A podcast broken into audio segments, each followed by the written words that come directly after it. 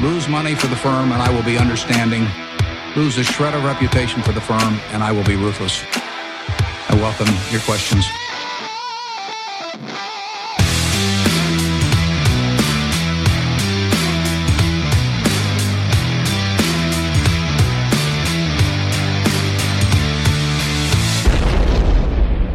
Hej och hjärtligt välkomna till Kvalitetsaktiepodden. Det är jag som är Ola. Jag som är Marcus. Ja, och det är jag som är Klas. Det här är avsnitt 134 som släpps natten till torsdag den 19 januari. Och som vanligt spelas in dagen innan då. Nu är vi tillbaka i, eller som vanligt, det har inte varit som vanligt på ett tag. Nej, det var länge sedan vi satt här känns Ja. som. Och det är det ju också. Ja, massa förinspelat och grejer under julen va? Ja, jo. och nyårshelgen. Så Förra det, året var det till och med. ja, det är länge sedan vi satt i den här studion. Japp, men nu är vi tillbaka. Eh, ja, idag skulle jag vilja inleda med att tacka för alla fina ord vi fått eh, på mejl, eh, via Twitterfåglarna och även helt vanliga analoga brevduvor. Gällande våra två senaste intervjuavsnitt. Torsten Jansson och Johan Hagberg. Kul att så många gillar vår variant av finansiell skjutjärnsjournalistik. Ja, De, de är nästan orimligt glada att inte bara höra oss. Ja, det är ni, vet kanske att, det. ni vet att jag, när jag var, ja det här måste ju vara mellanstadieålder, hade journalist som min... Det var är sant. Ja, det är sant. Det här är alltså helt ny fakta. Jag trodde, Ja. jag, jag, trodde jag kände dig Ola, Nej, men nu... den här. Eh, sen när jag började se mina betyg på de här uppsatserna så, så, så föll. Ja. Jag har ju alltid sett att du har liksom fått något lite så här blött i ögonen när, när Janne Josefsson har varit på Mm. Mm. tv, men jag har ju inte förstått att det var det det gällde. Nej, Liksom. Nej men eh, det, den, den, eh, det försvann sen kan vi säga Mm. På högstadiet när, när jag insåg vad det var som var mina riktiga styrkor eh, Ja. och mina svagheter. ja. Ja. Men, men nu är man ju lite där igen och Ja, känner att man kanske nu är vi ska... tillbaka. Mm. Vi är tillbaka. Eh, vi vill naturligtvis också tacka då Torsten och Johan eh, för att de ställde upp och svarade på både tålmodigt och uppenbarligen ganska intressant på våra taffliga frågor. Det var kul. Det var. Mycket. Vi får se. Det blir, eh, vi, vi ska försöka vara duktiga och ha lite intervjuavsnitt på, på sommar och vinter så där när det passar. Ja. Och kanske någon gång däremellan också. Ja. Eh, något som inte är så kul, det är ju Ryssland då, Mm, som fortsätter sin vidriga terrorkampanj mot invånare, infrastruktur och folks hus och hem i Ukraina. Verkar inte bli bättre heller. Nej, vi uppmanar alla som har möjlighet att skicka ett bidrag eller bli månadsgivare till någon seriös hjälporganisation eh, som med sin verksamhet stöttar Ukrainas hårt prövade och tappra folk. Ukraina vi ser och vi glömmer aldrig. Eh, I dagens avsnitt då. Mm. En rejäl hög med Aktuellt blir det först. Eh, Det är mycket som har hänt sen vi satt i den här studion sist. Ändå, Japp, det har gått mycket tid.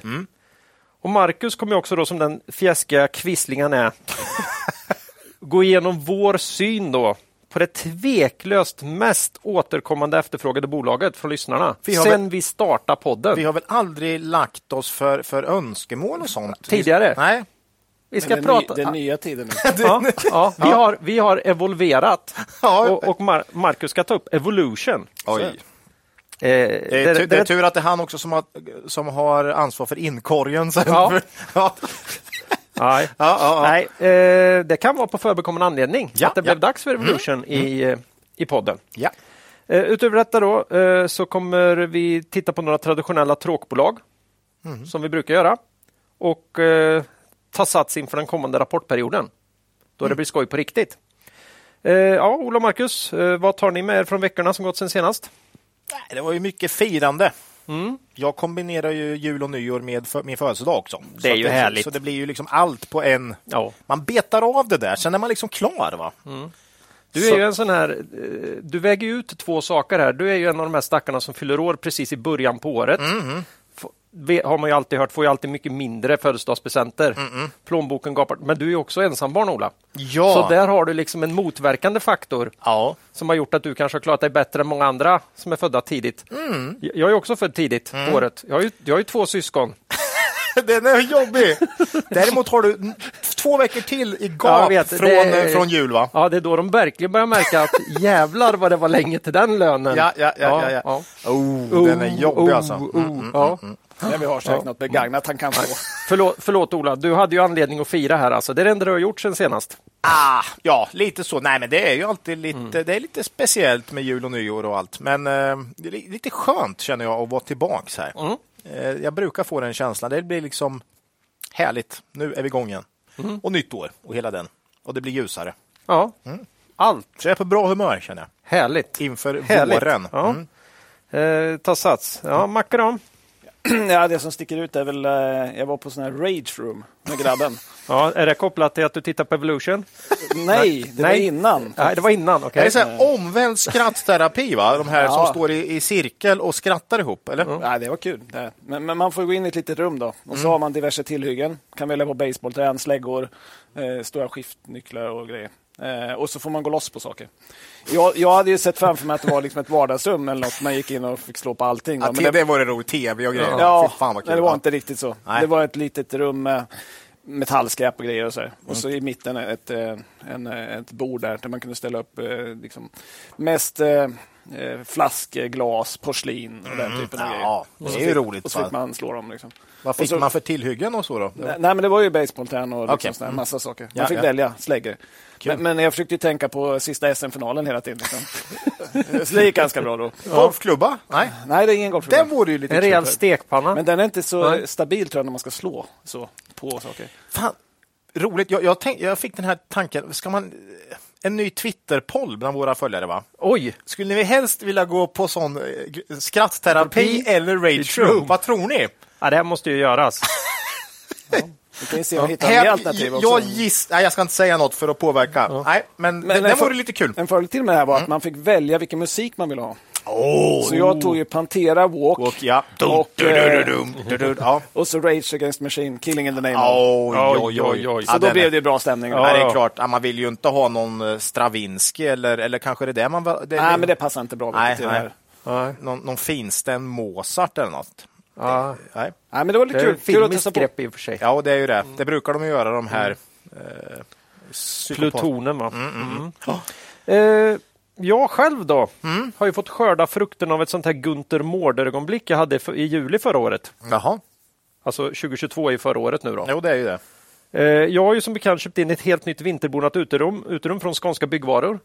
Därav eh, kursrusningen tror jag att det har kommit ut eh, på Byggmax. Ja. Jag köpte ju den då, Gunther Mårder här, jag köpte den på sommarrean. Även fast jag visste att det finns inte en chans i världen här att jag kommer ha en grund klar Nej, i, i närtid. Eh, jag hade någon idiotidé om att det skulle ske under hösten fast jag visste att det kommer aldrig gå. Det gick ju inte heller. ja. Men grejen var att det var ju billigt det här utrymmet. Den längsta leverans framåt i tiden jag kunde få var vecka två.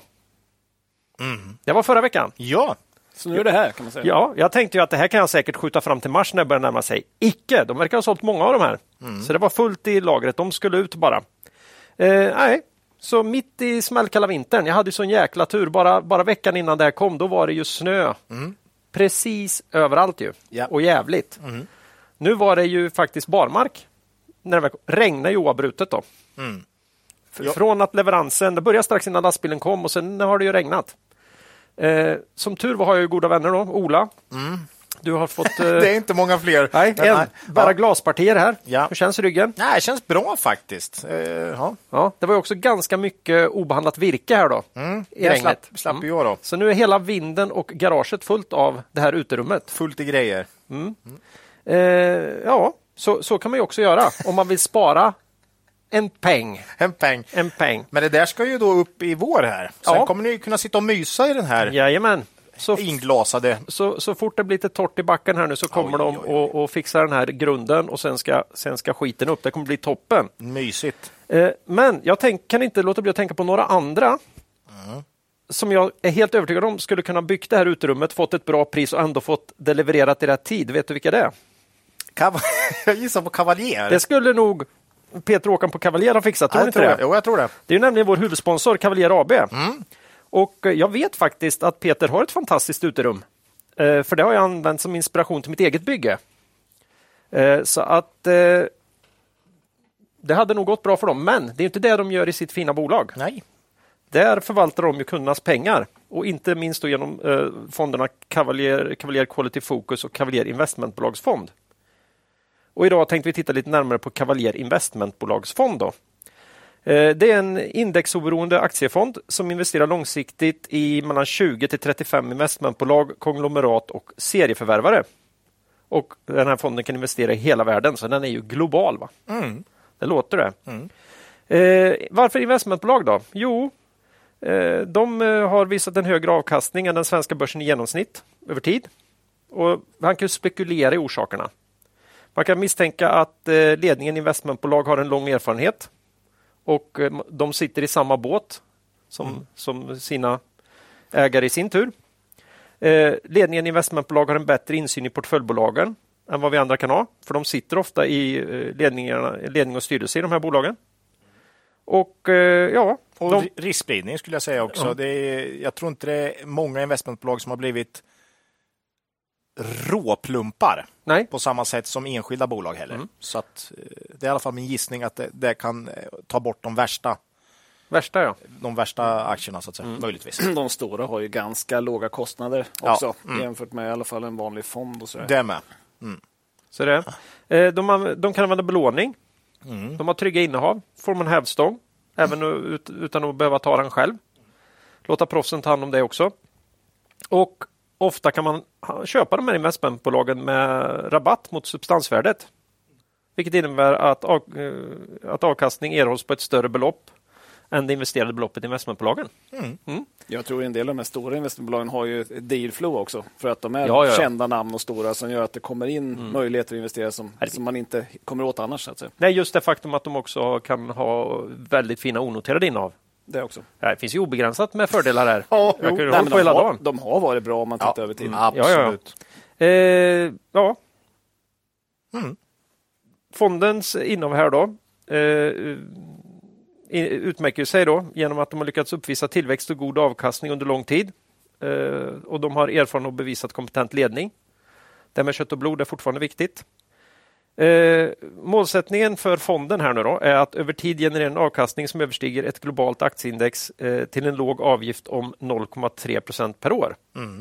Fonden är avsedd för den långsikt, långsiktiga investeraren som har en placeringshorisont på minst fem år. Långsiktighet, va? det gillar vi. Viktigt. Stora innehav då? Det är ju just nu bland annat Investor, LVMH, Alphabet och Berkshire Hathaway. Ja, det, det Buffett, va? Buffetts bolag. Ja, men ändå så är det ju det här LVMH som är lite extra i ropet just nu. Louis Vuitton. Vuitton Mo- Moet Hennessy. Det här eh, byggaren av det här lyxproduktkonglomeratet Bern, Bernard, han är fransman eller vad är han? Nej. Det tror jag. Bernard Arnault anses ju åter av Forbes eh, tävla om positionen världens rikaste man med Tesla-ägaren Elon Musk. Ja, han är inte lyckas längre. Nej, det är väl, han, han har väl kanske halkat ner lite här. När, Ja, det har droppat Det har ordentligt. droppat det. Ja. Och eh, den här Bernard det är ju ingen dålig affärsman att ta rygg på, Nej, kan man tänka. lyxprodukter verkar gå bra Eh, över tid. Mm, Mer information om Cavaliers investmentbolagsfond hittar ni på cavalier.se. Där hittar ni inte minst de mycket informativa månadsbreven. Eh, investera i fonden kan man göra både på Nordnet, Avanza och Saver. Och när vi pratar om fonder är det viktigt att komma ihåg att historisk avkastning i fonder inte behöver vara en indikator på framtida avkastning och att ni kan förlora delar av ert satsade kapital då fonder både kan gå upp och ner i värde. Tack säger vi till vår huvudsponsor Cavalier AB. Ja, och vi vill ju också som vanligt tacka vår samarbetspartner Börsdata. Värdeinvesterarnas bästa vän såklart. Det brukar vi säga, Mm. för det är de. Det är åter dags att prata om några av de bästa bonusdelarna av börsdata för oss värdeinvesterare som enligt George fortfarande är lite oupptäckta av många eh, användare. Eh, längst ut till höger i Börsdatas terminal finns några riktigt fantastiska funktioner placerade. Två nyheter finns det också att utforska eh, sen vi senast tog upp detta. Då. Eh, och det här är information. Eh, informationen man hittar här är ovärderlig när man vill gå djupare in i bolaget än, än bara sifferhistoriken så att säga. Det är inte så bara. Nej. Men det finns ju så mycket mer när man ska börja försöka förstå ett bolag. Då. Ja. Och här ute till höger hittar vi uppifrån och ner bolagsinfo, rapporter och presentationer. Där presentationer är en nyhet som kom igång den här veckan faktiskt. Videopresentationer, analyser, quarters inspelade conf calls ja, från kvartalsrapportsläpp och sådär. Ja. Ja. det är riktigt bra alltså. och den nyhet som ligger på den varmast om hjärtat, nämligen Invocals bolagsinformation från podcasts. Mm, där finns ju vi med har jag sett. Ja, här kommer man ju rakt in i de olika poddarnas analyser och diskussioner om bolaget. Det är sån här AI som varit i farten här. Eh, och det är ju liksom det bolaget man för närvarande tittar på i terminalen. Då kommer det upp där. Det behöver inte bara vara Kvalitetsaktiepodden. Nej, det, det finns ju också andra poddar. va? Det var, det var ganska många poddar de Ja. på. Eh, ja, en fantastisk tjänst som vi verkligen tror att eh, våra lyssnare kommer gilla. Om man inte har hittat till den än, Mm. så ska man definitivt titta till den. Eh, och Den här purfärska nyheten då är ju de här rapportpresentationerna Mm. och även eventuell info från såna här kapitalmarknadsdagar.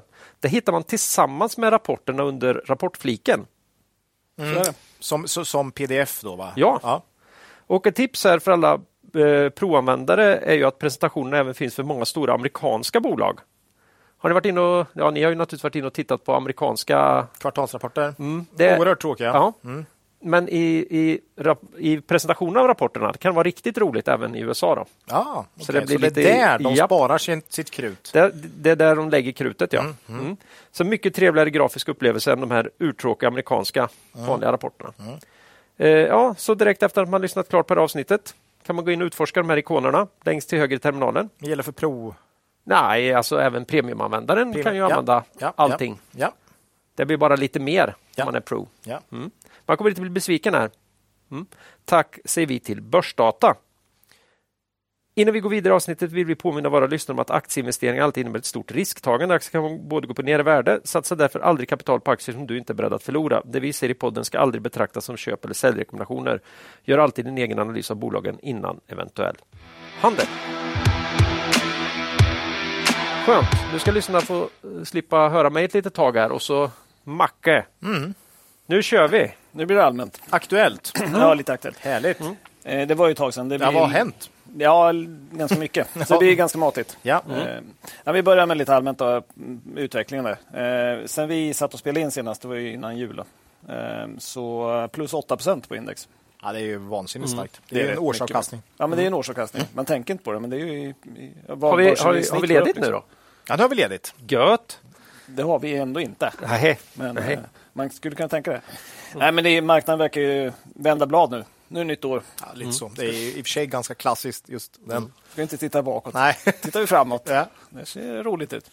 Nej, men eh, det är, ja, många av förra årets förlorare är ju de som har gått bra i år. Lite samma tema, vända blad där. Eh, Fastighetsaktierna har bland annat varit väldigt eh, starka i år. Då. Eh, och många av de här förloraraktierna. Allt från Sinch till annat. Då. Och det där sitter ju inte vi med. Nej, det har vi inte gjort. Så att vi har ju tappat lite mot index i år. Väl Fyra eller någonting. då. Vi är plus 4 procent kanske. Hälften kanske. då, Index. Mm. Eh, Men det är ju så det. Ja. Eh, Och vi ser det på lite längre sikt än så. Eh, Men ja, till det positiva sentimentet verkar ju vara att man tror att räntan har nått någon sorts topp här. Och att liksom, inflationssiffrorna kommer in som förväntat lite ner. Då. Och Man hoppas att det inte ska höjas så mycket mer. Vi får väl se. Eh, Sen kan det ju vara en del blankare som täcker. Jag har man ju sett i en del bolag att det har minskat ner lite ja. Med, med blankningarna. Vi får se. Vi, vi tycker ju kanske så det känns som man tar ut en del i förväg nu. Lite så. Rapporterna kommer in här. Vi får se om de håller måttet. Det har inte varit så många vinstvarningar dock. Så att, Nej. Så, jag menar, vi tycker ändå osäkerheten kring 2023 är ungefär lika stor som det var innan. det är den ju. Det har ju inte hänt så mycket mer. Nej. Eh, Så vi har ju skalat en del i eh, flera av innehaven. Ja, det har gått ruggigt starkt på många, många håll. ändå. Så vi har väl typ 30 likvider eller någonting. Ja, så nu har vi mycket likvider. Nästan fullinvesterade där i höstas. Ju, så. Det har gått väldigt starkt börsen de sista månaderna. Och 30 är egentligen lite mer än vad vi vill ha. Absolut. Visst. Eh, Så att, men, men vi får får se efter Q4-rapporterna om vi hittar lite mer Ja, det säkerhet då. Dålig kombo där när osäkerheten i våra estimat Ja. ökar och Aktierna bolagen rusar. rusar. Då blir det svårt. Så att vi får se. Det blir spännande som vanligt i rapportperioden. Här. Eh, Sen hade ju det en intressant artikel tycker jag, eh, 28 december om Tesla som man kan dra lite allmänna slutsatser kring också. Eh, aktien har ju tappat 40% på tre månader på temat eh, Musk inte längre rikast av alla i Ja. världen. Eh, det är ganska uppseendeväckande då för så stort bolag när börsen har varit stark i övrigt. Liksom. Mm. Relativt blir det ganska uselt. Eh, och de har inte gett så mycket negativ information heller. På slutet nu senaste dagen har de sänkt priserna en del. Då. Men, men innan dess var det ingenting som man kunde peka på. Ehm, Och det, det intressanta var ju att man, om det har tagit fram faktsättsprognoserna för eh, Tesla. Och de pekar ju på omsättning plus 55 procent i år. Vinst plus 80 procent 2022. För 2022. Ja, ja, just det, för, 2022. för Ja, 2022. ja, det är ju riktigt bra. Men även eh, för i år så, så var prognoserna ganska mycket upp. Då. Mm. Eh, och ändå så faller kursen så här. Ja. Eh, och det här är ju för att man satte ett för högt pris på aktien tidigare. Ja. Eh, man har ju handlats över P200 Eh, vi pratar om det. De har ju prisat in för mycket av framtida vinster i värderingen eh, för att det ska vara sunt att köpa aktien, tycker vi. då. Oerhört mycket så. Ja. ja. Mm. Och, och den slutsats man kan dra är det räcker inte med att bara titta på fundamenten av bolaget. Nej. För den som räknar rätt då här för ett halvår sedan och kollar, ja men jag tror vinsten kan gå upp 50, 70, 80 procent, omsättningen 50 procent upp. Det är ju bara att köpa. Mm. Jag har ju räknat, räknat på det här. Det blev ju rätt i analysen och helt fel i, ja. i köpet. Ja. Du behöver titta på värdering också. Ibland faller det där bort ju. Ja. Tyvärr. Och jag blir lika upprörd varje gång på något sätt. Men jag, jag förstår. Ibland mm. möter man, framförallt 2021 då. Då var det ju väldigt mycket så att många bara ja, värdering spelar ingen roll, men om man ska köpa någonting, hur kan det inte spela roll vad du betalar för det du köper? Ja, det är lite konstigt. Liksom, hur, hur skulle det kunna vara en, en faktor som man inte behöver ta hänsyn till? Det har jag aldrig, det kommer jag aldrig, den, den kommer jag aldrig ge mig på så att säga. Eh, om du inte har någon trendföljande strategi då du helt ignorerar fundamenta. Då. Eh, men, men, om du ska köpa något på fundamental basis titta på vad får du och vad är det värt? Vad kostar det? Mm. Hur kan du, liksom, du kan inte ta bort priset i en sån ekvation. Och jag har sagt det många gånger, vi har fått in frågor. Vilka aktier tror ni, eller vilka bolag har ni köpt om inte värdering mm. spelar roll? Men det är just den att det är ju så fruktansvärt väsentlig del av analysen, vad du betalar. Mm. Så att, eh, ja, Ja, det är ju det är jättespännande. Sen är det den här otäcka personkulten runt uh, Musk. Jag tror ju att den... Mm. Ja, det är väl mycket som gjort att det kanske går ner, men en av grejerna är ju det att Alltså man kunde höra argument liksom kopplade till hans andra bolag. Varför Tesla var så fint det här med rymdexploateringsföretag. SpaceX är det han har. SpaceX, och, så här, ja. Och, och, och, nu då när han gick in i Twitter här. Mm, mm. Men det var ju negativt då, för då tog det bort hans fokus ifrån Ja. Tesla, fundera på hur mycket fokus han har haft innan på, på själva verksamheten där. Liksom. Mm. Det, det mesta han har gjort som jag tyckt haft någon inverkan tror jag på riktigt var ju när han la sig i här efter pandemin att han tyckte att folk skulle tillbaka på jobbet. Ja, eh, till jobbet. Det, ja. det, var ju någonting som kanske hade en liten effekt men ja, nej, mm. oj. Det är svårt. Så det, ja. Man ska akta sig för personkulter oavsett om det är biltillverkare eller eh, spelserieförvärvare tror jag. mm.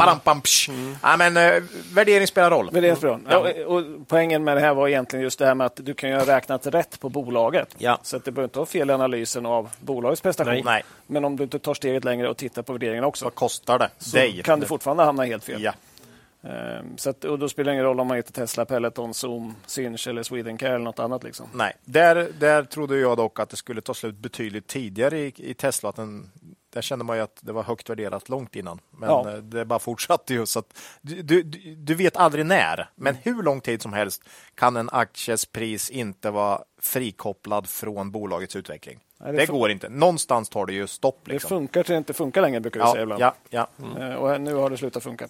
Mm. Sen är väl Tesla, liksom, det har ju gått ner jättemycket och det har gått bra för bolaget ja, finansiellt sett. Men, men det är fortfarande väldigt högt värderat jämfört med andra biltillverkare. Ja. Så, så, ska man se det som ett bilföretag så finns det ju säkerligen ordentlig nedsida kvar. Ja, mm. Ska det vara något annat så, ja, jag vet inte. Nej. Vi är inte särskilt sugna på att köpa Tesla här. Nej, Nej. Så. inte ens en bil faktiskt. Eh, men det är en annan sak. Ja. Mm. ja, om vi hoppar över till bolagsdelen då. Eh, kort uppföljning på förra podden. Vi pratade om Duni och den här affären man gjorde när man sålde 25 procent av Biopack mm. till ett högre pris än man hade köpt 75 procent av bolaget för, men inte fick någon reavinst.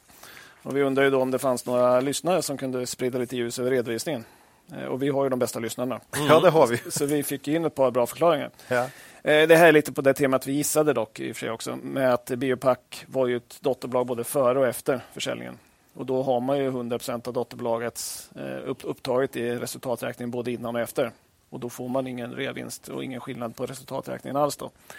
Däremot kommer man få en effekt i de finansiella rapporterna under specifikationerna över förändringar i eget kapital och i kassaflöde. I eget kapital kommer minoritetsandelen att öka för man äger mindre del i Biopack än tidigare och i kassaflödet så kommer betalningen synas under finansieringsverksamheten som transaktioner med ägare. Mm. Så nu vet vi det. Och mm. stort tack till de som skickade in. Tack. Det kommer bok på posten. Ja, som ja. utlovat. Som, som utlovat. Mm. Snyggt. Så det var kul. Mm. Vi, har, vi har revisorer också alltså som Ja, eller redovisningskunniga lyssnare. Ja. Mm. Det är bra. Ja. Mm. Eh, Claes, du hade väl något om Carrium också? Lite. Ja, vi har ju ett behov av att göra ett litet tillrättaläggande gällande vd-byteskarusellen på Carium. Då. Vi tog upp det under Aktuellt i avsnitt 131 Mm. i början av december. Vi uttryckte vår förvåning eh, och vi hörde lite varningsklockor här. När det, eh, det är ju en riktigt problemtyngd doravknoppning här, Carium. Ju. Mm. Och eh, då tyckte inte det var kul att det blev någon slags vd-karusell här också. Då. Mm. Och det märkliga var ju att eh, Maria Ko- Korsand så snabbt ersattes av eh, Christian Wallén. Eh, och det vi missat då eh, och eh, även bolaget låter bli att berätta i sitt pressmeddelande är ju att Och det kanske var därför vi missade också. ja, Maria Korsand som klev in som interims-vd aldrig var aktuell för att stanna kvar som ordinarie vd. Nej. Det är ju ofta så det börjar. Det är inte ovanligt att man kliver in och sen blir man kvar. Mm. Hon, hon hade ju gått då från rollen som vd för SOS Alarm till Carium. Mm. Det vi inte visste var ju att hon hade gått i pension när hon Däremellan. lämnade SOS. Och hon var ju aldrig intresserad av vd-rollen i Carium utan var ju en riktig interims-vd. Ja. En, en duktig människa som kan branschen som snabbt kunde kliva in och, Brygga över till nästa. Så det var ju en toppenrekrytering Ja. egentligen av Carium här då. Ja.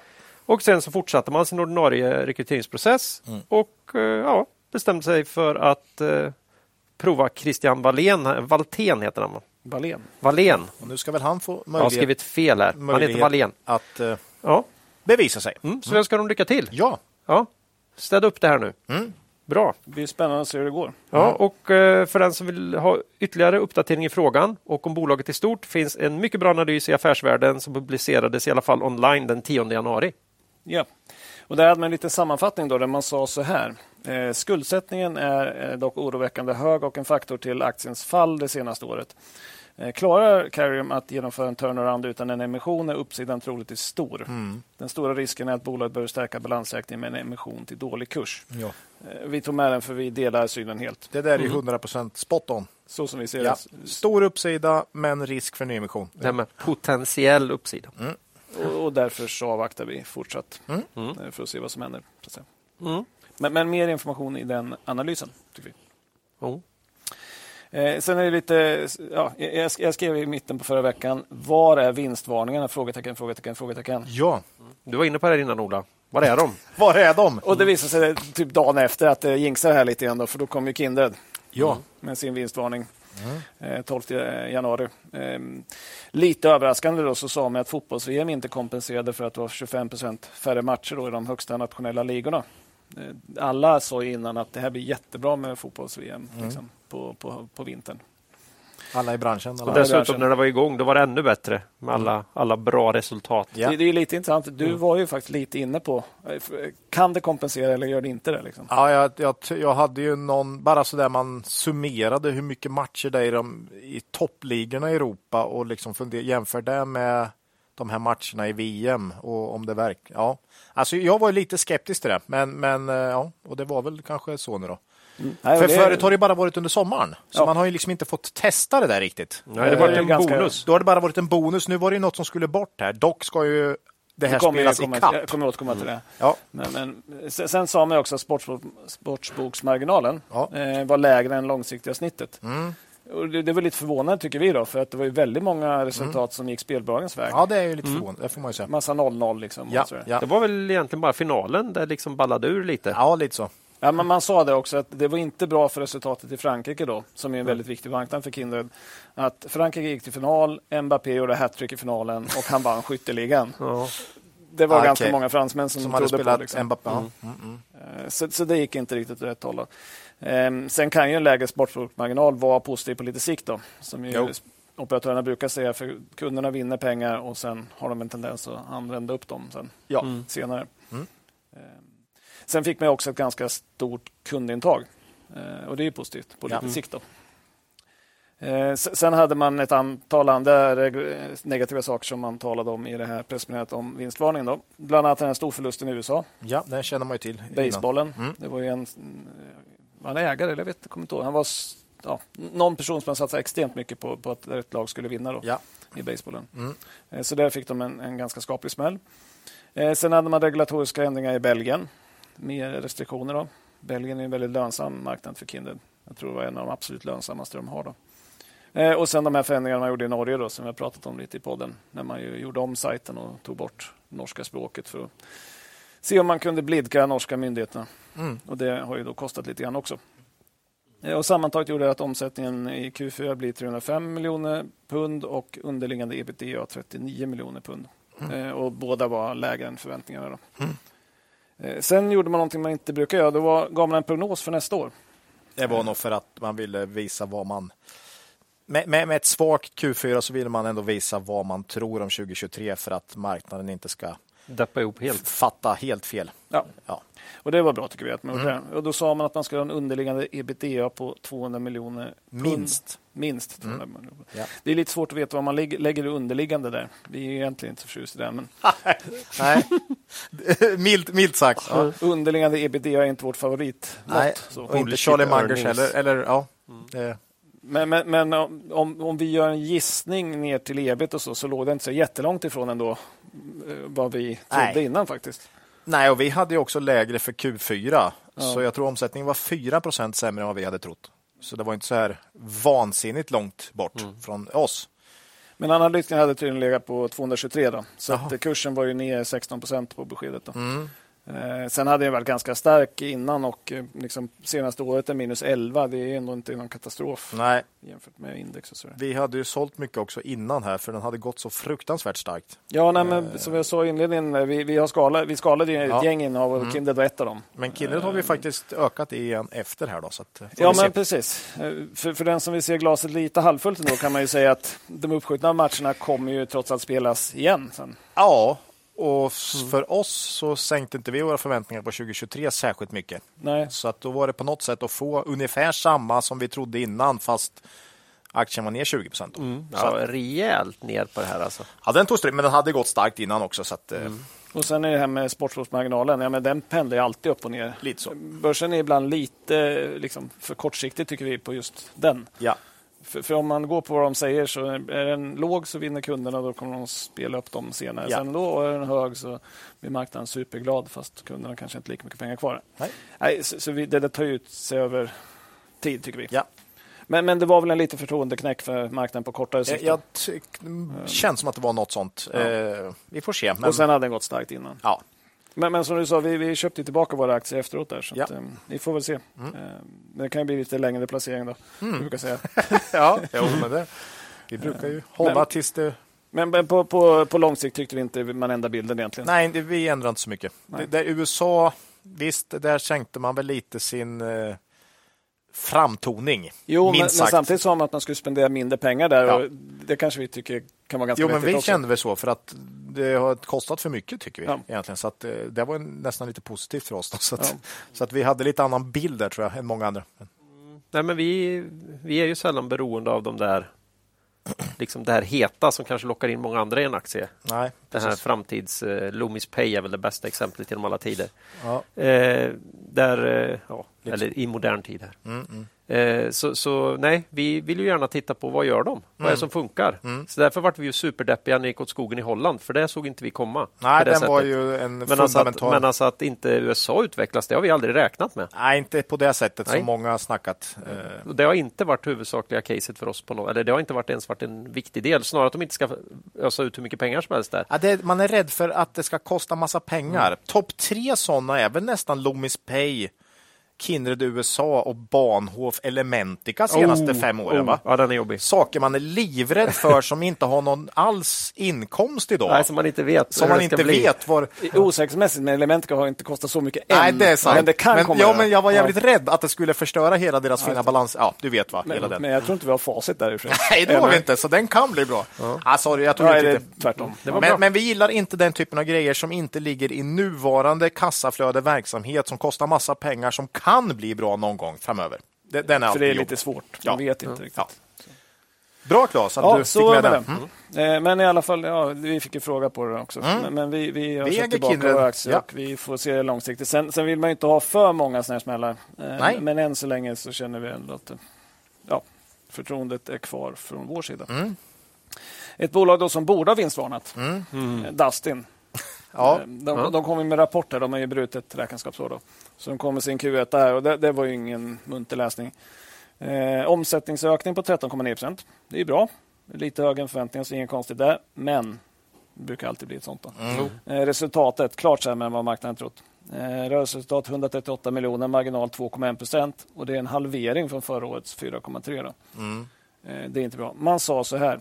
Tillgången på standardhårdvara har ökat markant och drivit viss pris, prispress i marknaden vilket tillsammans med märkbar kostnadsinflation påverkat marginalutvecklingen i kvartalet.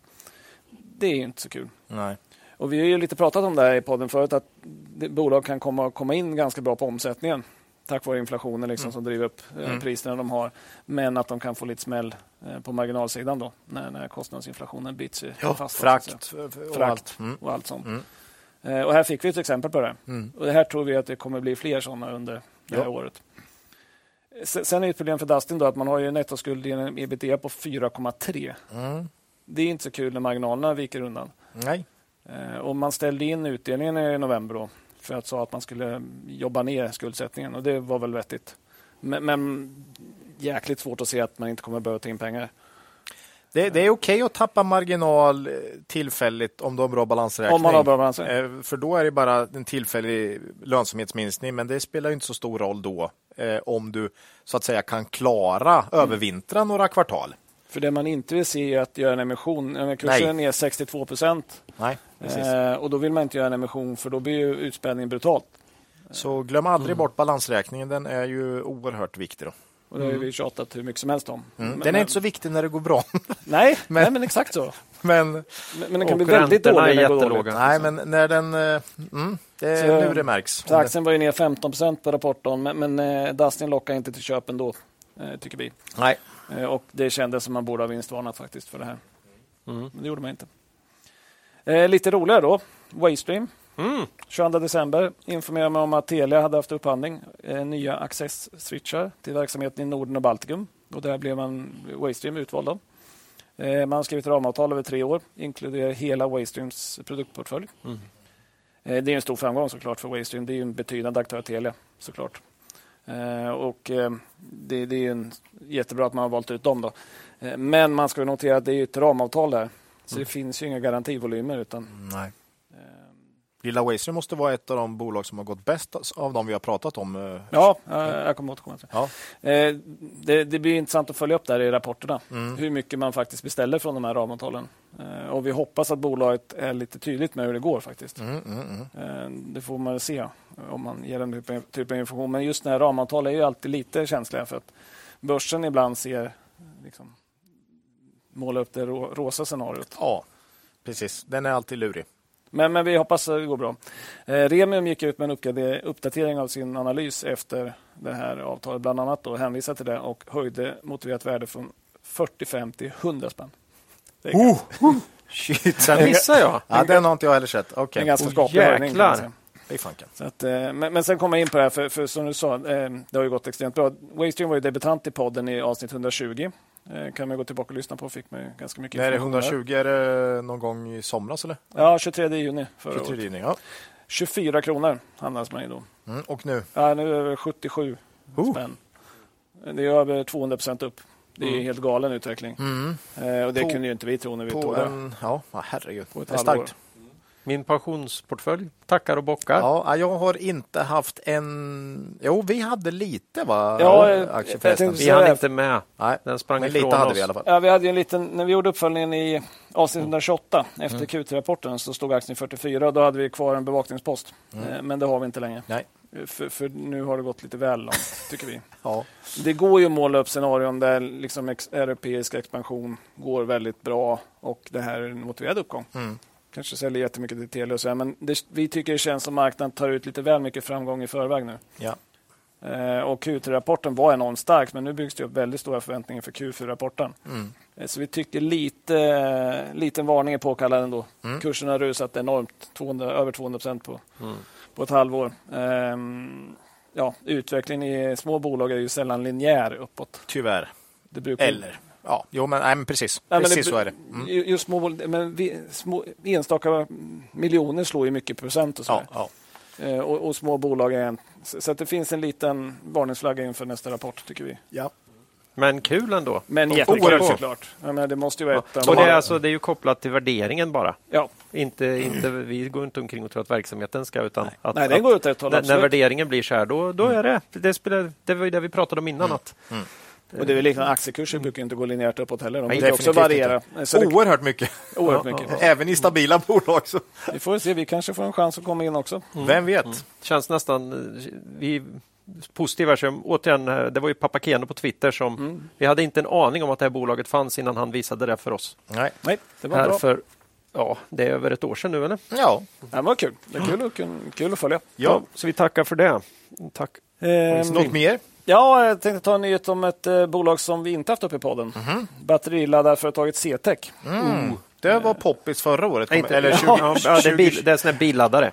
Ja, Mo, mobil. Nej. Ja. Inte mobil, utan bil. Nej, billaddare. De eh, informerade 10 januari nämligen om att vdn Jon Lind får gå Mhm. med omedelbar verkan. Aj då. Det brukar sällan vara bra. Nej, det brukar inte vara det. Eh, Man vill inte kommentera några siffror för Q4 då, även fast vi nu har ju passerat Q4. Då. Eh, Men man stod fast vid prognosen som sa sekventiellt oförändrad omsättning med en marginal lite lägre. Eller press på marginalen tror jag man sa. Ja. Eh, det- Då öppnar man upp för man ser inte hur mycket press. Liksom. Nej, nej, nej. Det får vi se i rapporten då. Ja, Men, men, men vi har ju tagit upp det tidigare. Det är ju ganska oroväckande när vd får gå Mm. direkt sådär. mycket. Oftast. Vi har väl några exempel i närtid där det inte blev så superbäst. Nej. Och det här är ju ett bolag som var när noteras galet hett som du var inne på. Ja, precis. Eh, från 69 kronor upp till 200 kort efter noteringen. Men det var 2021. Ja, det är Ja, sån där det- 2021. ja. För då var det ju allt på peak. Mm. Det var ju så. Och vi tyckte det var dyrt vid noteringen. på toppen tyckte vi det var galet dyrt. Ja, Eh, nästan Tesla-dyrt. Liksom. Ehm, och vi tyckte inte marknaden blir galen. Det är el- elbilsladdare är the holy grail. Liksom. ja men liksom det är när, när börsen får för sig att någonting är framtid. Ja, vilket det är förmodligen då kanske. Men vad är det som säger att just det här bolaget ska ta all omsättning och vad blir det för marginaler på en konkurrensutsatt marknad? Exakt. Och, och val, vallgraven. Och vi tog upp det redan med Garo, när, eh, det måste vara många år sedan, när deras eh, värdering stack iväg på att de var tidiga elbils, elbilsladdarbolag. Och vi bara, men vad är, vad är teknikhöjden här? Hur svårt kan det här vara? Och, och nu ser det ju precis ut som att det blir ganska hård konkurrens. Om man tittar Ja. så verkar det komma ganska många olika tillverkare och då pressas ju marginalerna. mm. Garo är ner eh, 41 procent på 12 månader. Och, och, och det här visar på några generella grejer. Det var därför jag tog med det. Då. Eh, Och den första är ju ganska given, då, men det är ingen bra idé att köpa in sig i en hås. Nej, sällan. Eller extremt sällan. Ja, men de bolagen som Ja. är hetast för stunden, som det talas mest om. Liksom. Vad- Är du går emot FOMO nu alltså?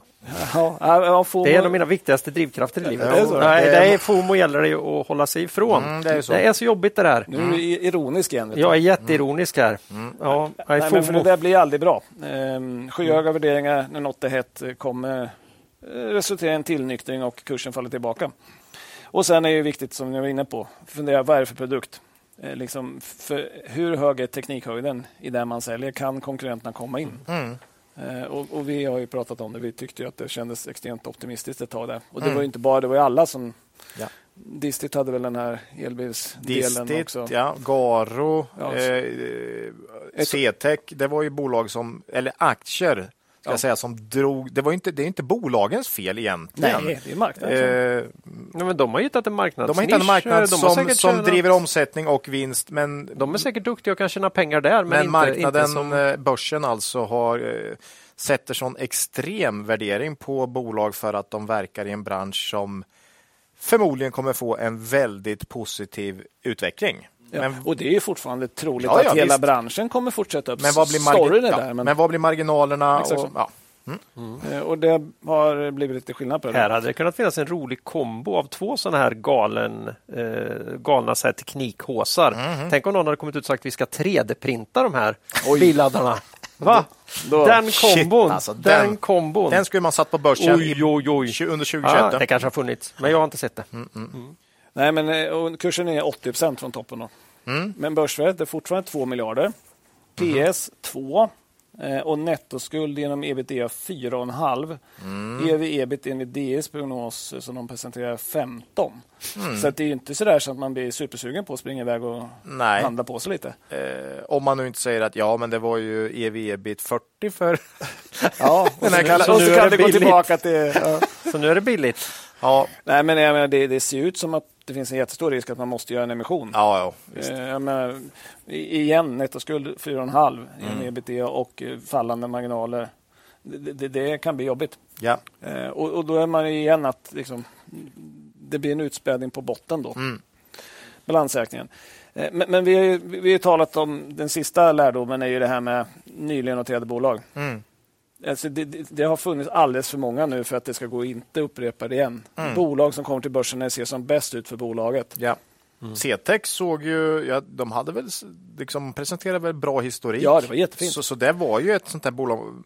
Och jag, jag, CTEC, det är inget fel på bolaget. Det var marknaden som Ja. satte ett jättekonstigt Precis. pris på det. Ja, men, eh, eh, Garo tyckte jag är kul, för det är ju ett bolag jag har jättemycket erfarenhet från min, mitt tidigare liv. Mm. Där de är, där de har en mot och är ledande inom en helt annan produktkategori, sådana här eh, portabla el, elcentraler som du sätter upp, alltså tillfälliga, när du, vid byggen och vid, ja, Ja. vid evenemang och så här. Alltså, ja, jag, jag, vill inte påstå att det, det är säkert inte en de facto-standard om jag säger det, men jag har aldrig sett eller använt något annat. Nej, Och, och sen så där. kommer de med lite elbilsladdare och då är det kursen bara... då bara, Ja, kursen ja. bara Ja. försvinner upp i himlen. Ja. det var så dumt så. så Garo, jättefint bolag. Men, ja, Säkert precis. kanonfina laddare. Ja. Men, men rörande sista punkten här med, med nyligen noterade bolag. Vi har ju pratat om att vi, vi eh, vill ju ha historik. ja. Och det Börs och börshistorik. Och börshistorik. Ja. Och, och det gör att vi håller oss undan nyligen noterade bolag. Ja. Och det har ju sparat enormt mycket Ja. pengar. Några gånger har vi missat kanoner såklart, men vi har också sparat mycket av de här eh, tajma toppen-noteringarna. Mm. Så vi vill ju vänta in en ordentlig historik innan vi Precis. investerar. Ja. Så det är väl ungefär så. Ja, eh, sen i förra avsnittet hade vi den här, tog upp den här rapporten om konsultmarknaden för 2023. Mm. Eh, och där man ju pratade, bolagen var lite negativa till prisbilden och ja, lite också till omsättningen för, för året. Och vi, vi har ju varit, vi, vi sa att vi är lite fundersamma inför det här året. Mm. Eh, och på det här temat tänkte vi ta in upp en liten kommentar om TPG. Då. Ja, TPG. Eh, där har ju vi...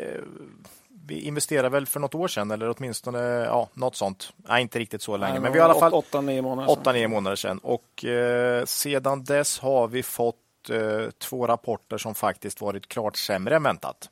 Än vad vi har trott i alla fall och förmodligen marknaden med om man ser till TPGs kursutveckling. Och framförallt senaste. Ja, precis.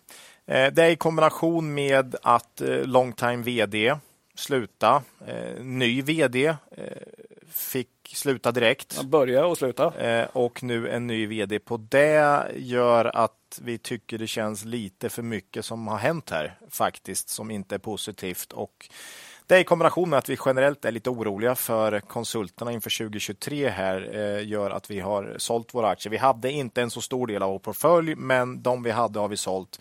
Här får man väl nog säga då, om TPG kommer tillbaks till historiska marginaler, lite alla Carium här.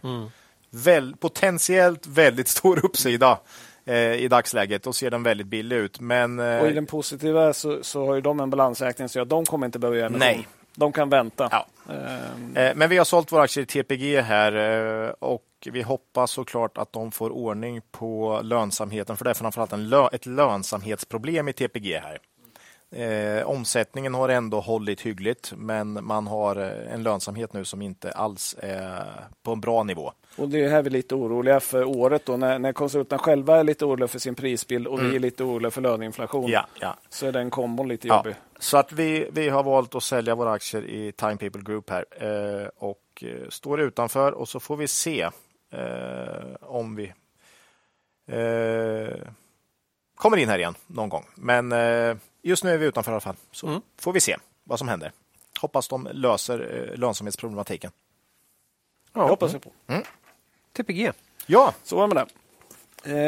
Eh, Ferro Nordic mm, ja. har ju varit med i podden ett antal gånger. ja det, där händer det mycket. Det, Ja, det, det, är inte ju- så, det är inte så tråkig verksamhet som det verkar. som kan tro. nej, I nej. alla fall omvärlden. Nej, men det var innan eh, Rysslands vettvilliga krig mot Ukraina. Då. Ja, ja. Eh, och det var ett bolag som alltid såg billigt ut. Mm. Eh, men som hade en politisk eh, Rysslandsrabatt kan man säga. Då, Alltid haft, ja. som visade sig slå in till, till 100 procent. Mm.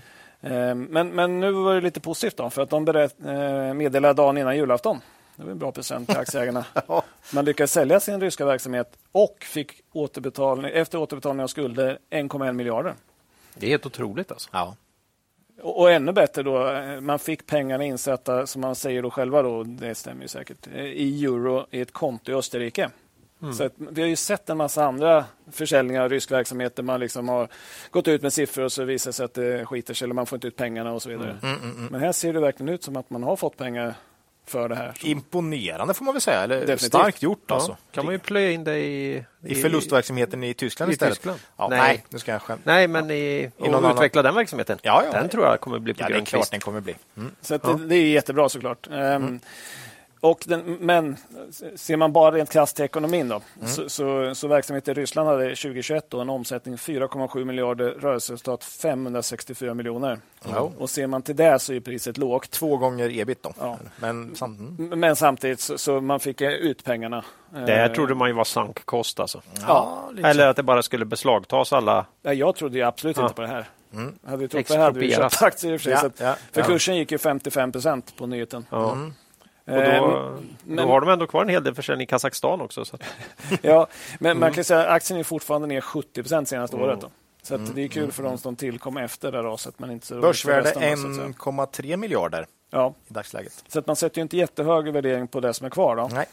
Och det som är kvar de första nio månaderna 2022 omsatte 1,3 miljarder eh, och rörelseresultat minus 47 miljoner. Då. Ja. Så vi får se om man kan vända till vinst här. Då. Mm. Och om man kan få en liten boost i Kazakstan där. Då. Hur- Hur det nu ska Ja. kunna gå till. Närhet till andra Ja. marknader där det kan finnas Vart- vart efterfrågan de och så där-. Prylarna hamnar i slutändan kan ju inte vi veta. Det har man ingen aning om. Men, men då inte. kan man ju säga att om man bygger upp en för stor verksamhet i Kazakstan som kommer från närområdet så, så bygger man upp en ny politisk risk kanske. Ja, på sikt ja. Ehm, Men, men, men hela händelseloppet är ju en bra påminnelse om vad politisk risk är. Och varför vi ofta tjatar om det. Även om så här extremt brukar det inte vara. Nej. Men det är också en påminnelse om vikten av diversifiering. Mm. Inte alla ägg i samma korg. Nej. Här, här, här gick det ju bra nu med den här affären, men det är fortfarande 70 ner. Ja. Ja. Eh, Och har man haft alla ägg i, i Ferronordic-korgen så är man ju inte så, så, så happy snappy. Och har man då varit belånad så kanske man har sålt alla på botten. Ja. ja. Nej, som sagt, det, det, det är roligt när det går bra. Ja. Och, men det är inte Ja, men så kul för, när det för, för Nordic har ju kunnat hålla låda i Ryssland för att andra har gjort en annan bedömning av risken med att hålla låda i Ryssland. Förmodligen så. Och nu, Gick nu det gick det som det gick. Mm. Men nu fick Men man bra ändå jobbat. loss. Mycket bra. Och, och sen den sista grejen är ju det här igen då att det finns ju hur påläst än kunde vara eh, om bolaget och läst och kunde allting om bolaget och inte ens ledningen kunde ju förutsäga att Ryssland skulle invadera Ukraina. Nej. Och det är det vi brukar säga igen. Du kan vara hur påläst som helst men det kan fortfarande hända saker. Ja, och därför gå aldrig all Därför in. gå inte och Nej. var inte belånad. För det kommer, eh, det kommer kunna hända saker som du inte har med i den mest eh, utförliga analysen. Ja. Så, och ledningen hade ingen aning om det heller. Så Nej. det var ingen som visste. Så, så är att, det. eh, ja, det är ja, värt att tänka på. De facto diktatur är en jobbig grej också. Ja, jo. Men, men det är väl värt att fundera på liksom, ja, rörande ki, kinesiska kopplingar Ja. och sånt också. Det kan hända saker som Mm. jag inte tror på. Så är det. Det hoppas jag inte gör. Men, ja. Och så avslutningen då.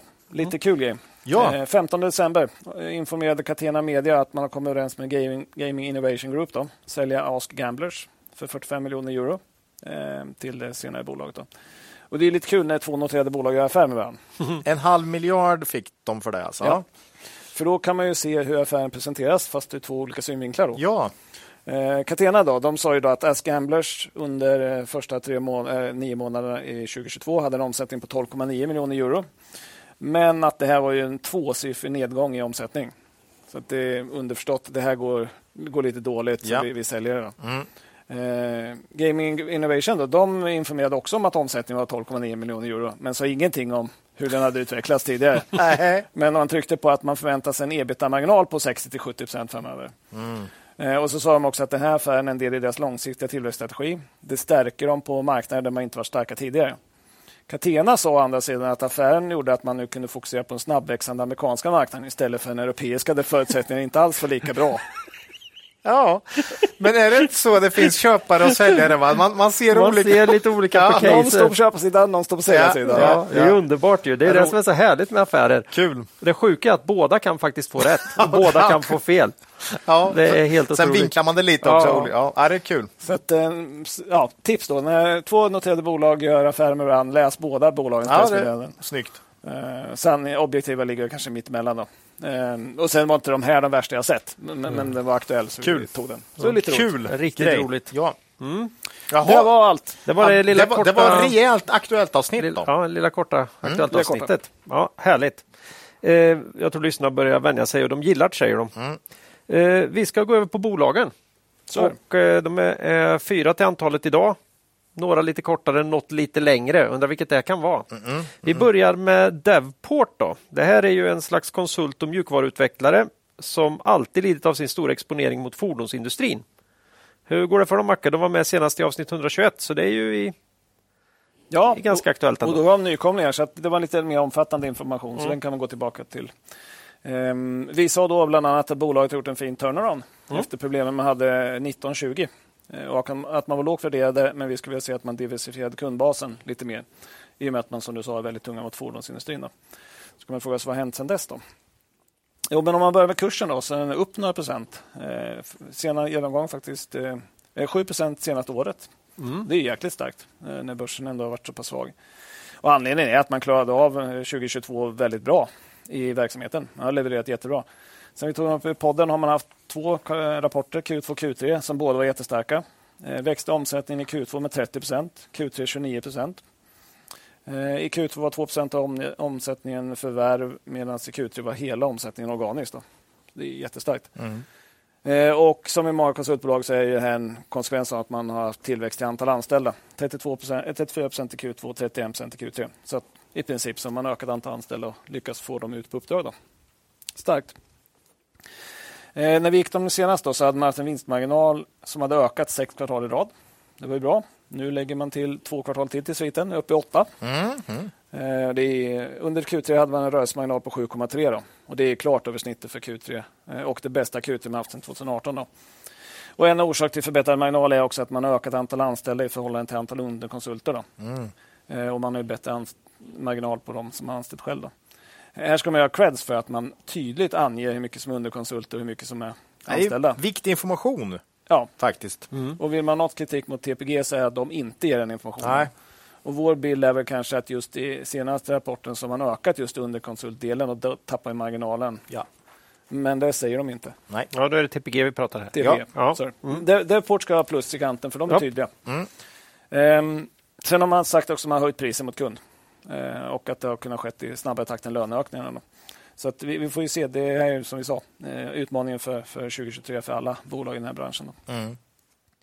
Men man har alltid varit tungt riktad mot fordonsindustrin. Eh, VD Nils Malmros höll en prestation den 28 november 2022, då, ganska nyligen, eh, och sa att när han tog över bolaget var 95 procent mot fordon. Eh, nu är det 80 och man siktar på 60, så att man har 40 procent utanför. Då. Han sa att man aldrig fått in så många kunder utanför fordonsindustrin som under 2022. Då. Eh, Han talar bland annat i Q3 om expansion eh, i uppdrag i försvarsindustrin och elektrifiering av båtar. Borde kunna komma. Och Det är en viktig eh, fråga för, för oss och för marknaden. Och för fordonsindustrin är ju generellt sett historiskt cyklisk. Och Man har haft en del exempel på när man dragit ner på konsulter ganska bryskt vid svackor. Då, Ja. Som varit inne på tidigare. Ja, tyvärr är det väl inte en dålig sak just nu att ha en fot in i försvarsindustrin. Nej. Nej. För Den kan nog gå bra ett tag. Ja. Nej, men det, det gillar vi, att man får uppdrag där. Eh, Vi gillar ju inte varför den går bra just nu. Nej, men det är en annan sak. Men, men, Nej. Men man får ju spela bollen där den ligger, som Ja. man säga. Eh, Sen har man ett visst skydd i att Devport eh, har konsulter som är involverade i utvecklingsprojekt. Då. De är inte lika lätta att stänga ner. Det är Nej. mycket elektri- elektrifiering då, inom fordon. Eh, Men samtidigt har man en kundkoncentration där de fyra största kunderna har 77 procent av omsättningen. Mm. Tänk Volvo och så vidare. Ja, ja. Eh, Och det höjer riskbilden lite grann. Mm. Eh, Positiv faktor, stark balansräkning. har vi pratat om, viktigt. Nettokassa 4 miljoner och då har man tagit med all leasing och möjliga tilläggsköpeskillingar. då. Bra. Och inga skulder alls till kreditinstitut. Då. Ofta fördelen med de här konsult kapitalsnåla. Ja, det har vi pratat om tidigare. Verkligen. Eh, sen eh, fördel med stark balansräkning också, man borde kunna göra förvärv. Eh, VD sa på presentationen att det var en liten plump, egentligen den enda plumpen under 2022 i och med att det gick så pass bra, att man inte hittade något förvärv som passade in i bolaget. Då. Fan, jag gillar sånt. Får se om man Mm. hittar under När 2023. man, när man ser det som en... eh, Ja, Ja, borde ha fått till, då, är, då, är, då känner man att det går bra. ja. Sen en liten brasklapp. Det säger också att man kanske är lite att man är försiktig med pris. För annars hade man ju kunnat Ja. gjort något förmodligen. Man, man tryckte också mycket på kultur. Att det var viktigt att kulturen funkade med bolaget. Så att, Ja. Så att man inte bara köpte vad som helst och så Nej, slog bra. sönder kulturen. Då. Låter bra. Så det var nog båda två där. Eh, sen i Q3 hade man en liten brasklapp dock. Eh, Då sa man så här, några av bolagets större kunder har utmaningar i sin produktion och leverans till sina kunder. Eh, Detta har lett till, viss avmattning i början på fjärde kvartalet vad gäller konsultinköp som framförallt kan påverka tillväxtmöjligheterna i början på nästa år. Liten varning för Q1 skulle man nästan säga. Ja, Lex Nilörn, då är de upp 30 procent i, i Q4 och ännu mer i Q1 då, på, den, på den nyheten. Och det är kul att du säger det, för, för sen hade man den här prestationen 28 november, det vill säga en månad efter man släppte Q3. Ja. Och då sa man istället att omsättningen var som starkast i september, det vill säga i slutet på Q3. Ja, okej. Och att Q4 normalt är det starkaste kvartalet påminner man om. ja. Och när man säger det då en månad efter man släppte rapporten eh, så, så, så känns det offensivt om det inte var så att det ändå Ja. ser ganska bra ut ändå. Nej, vissa, bolag, vissa bolag är väldigt försiktiga i sina kommentarer och så kan man bli lite lurad av det faktiskt. Ja, Nilan är ju uppenbara exempel. Ja, vi, ja. vi blev uppfintade på väg, Ja. läktaren. Liksom. Ja, rejält. Ja, men med anledning av de här starka rapporterna för Q2 och Q3 har vi skrivit upp prognosen för 22. Eh, sen de var senast i podden. Tog på 3,20 nu. Aktiekurs 35 kronor. Eh, P11. Mm. Eh, bolaget har en stark balansräkning med nettokassa. EV-ebit ungefär lite drygt 8. Eh, analysguiden följer bolaget, tror på en kraftig vinstökning nästa år. Eh, ja, det här året. Då. Tju- 23. Det är svårt där. Se hur Ja, länge, det är svårt. Hur länge kommer man liksom fortsätta säga sådär? Ja, ja. Eh, 3,70 tror man i alla fall på. 9,5 i P. Vi eh, ligger lite lägre på 3,40 P 10 ungefär. Men det är ju rätt stor osäkerhet på 2023. Hur kommer fordonsindustrin att agera? Eh, man får ju lite tuffare komps nu också i och med att man har gått så pass starkt. Då. Eh, kan man hålla marginalen tycker vi man har gjort jättebra. ja. Eh, Ja, nej, men vi avvaktar fortsatt. Intressant bolag, jättestora förbättringar de senaste åren.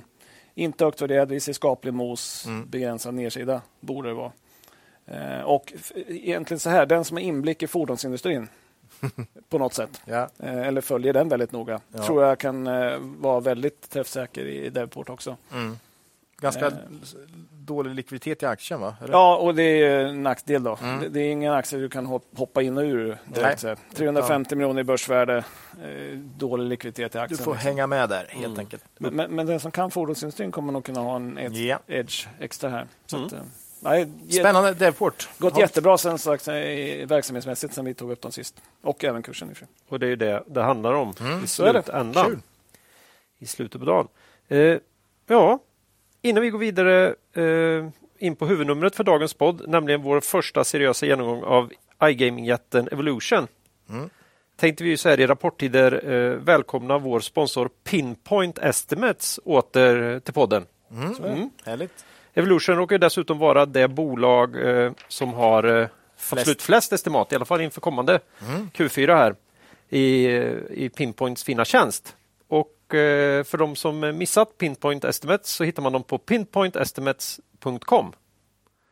Och eh, ja, Väldigt, Vad är det här då? väldigt trevlig tjänst. för, för eh, om man nu inte känner till det, då vet man ju inte vad det här är kanske. Nej, Nej. det kanske du kan förklara. Ja, det är en gratis estimattjänst där alla typer av investerare kan gå in och lämna sina estimat inför en kvartalsrapport eller i ett räkenskapsår. Och när man lämnat sitt estimat får man se Pinpoints konsensus av alla andra investerare som också lämnat sin estimat för det bolaget man är intresserad av. Mm. Och det här är extra bra för, för bolag som kanske inte följs av analytiker. Mm. Eh, Så att det finns något estimat att ta- liksom, ta del av. Om man då har ett gäng som lämnar på, på Pinpoint så får man ju en bild än- ändå av vad, vad, många tror. Ja, många små bolag, liksom 50-tal eh, estimat lagda och ja, då är det ändå ett gäng faktiskt. Och eh, analytiker, som, det kanske är 10 analytiker som följer många bolag, eh, alltså större bolag. Men här får du ändå 50, okej. Eh, mindre kanske, eller Ja. det vet du inte, men du får ändå vad folk tror. Och det är det här lite wisdom of the crowd. Så att Ja. Har man bara tillräckligt många som, som, som lämnar så kommer det snittet bli Så desto fler som använder det, desto bättre kommer Och det bli. man själv också funderar faktiskt igenom vad man har för tro. Ja, precis. Så är det. Så det är som blir bra, ju större det blir desto bättre blir det. Och sen det, kommer de här vikta också va? De viktar också de som har varit träffsäkra. De användare som är mer träffsäkra historiskt får ett lite större vikt som jag har fattat Ja, det. ja, de hävdar ju att de jobbar lite med det här datat. De tar Ja. bort outlayers och sådär. Och, och, så att det blir ännu bättre än vad Ja. bara det raka snittet. Då. Eh, och eh, ja, Vad kan man använda det till? då? Man kan använda det som ett benchmark, det här estimatet, eh, för vad marknaden förväntar sig för omsättning eller resultat inför en enskild rapport. Och eh, ja, En akties pris bestäms ju av eh, förväntningar på framtida bolagsvinster. Mm. Och eh, Det är superbra att få en bild på de här förväntningarna och om de ligger högre eller lägre än vad man själv tror. Eh, vi använder själva Pinpoint, har en hel hög med estimat inlagda för vi gillar tjänsten. Det är kul Mm. och det ger oss tillgång till de här konsensusestimaten. Inte minst ligger vår gissning för Evolutions Q4 inne här. Vi kommer dock inte avslöja vårt användarnamn. Hur mycket ni än tjatar. Det tog vi upp förra gången vi hade med Ja. Pinpoint, så jag vill säga det igen. Ja, det är ett gäng som har frågat. Vi, men, men det, Vad vi heter det kommer vi hålla för oss själva. Eh, vi berättar i den här podden om när vi går ut mer publikt med vad vi tycker och tänker om olika bolag. Eh, så här är det, Pinpoint vill uppmuntra fler investerare att testa fördelar med tjänsten. Det är därför är man automatiskt med i en utlottning av en årsprenumeration på DI Digital. Om man loggar in på pinpointestimates.com och lämnar ett estimat på minst ett intressant bolag senast den 28 februari. Det är alltså oavsett om man är ny eller gammal investerare på Pinpoint. Vin- Vinnaren kommer att lottas fram och kontaktas via eh, mail efter tävlingens slut. Kul! Då skulle vi kunna vinna. Ja, hoppas vi på. Eh, Nej, det vore inte, det vore inte så snyggt kanske. Om slumpen ska blir jag köra så. dubbla skärmar då? så jag har liksom en, en, en D digital på varje, på varje skärm. Ja, det får jag göra då.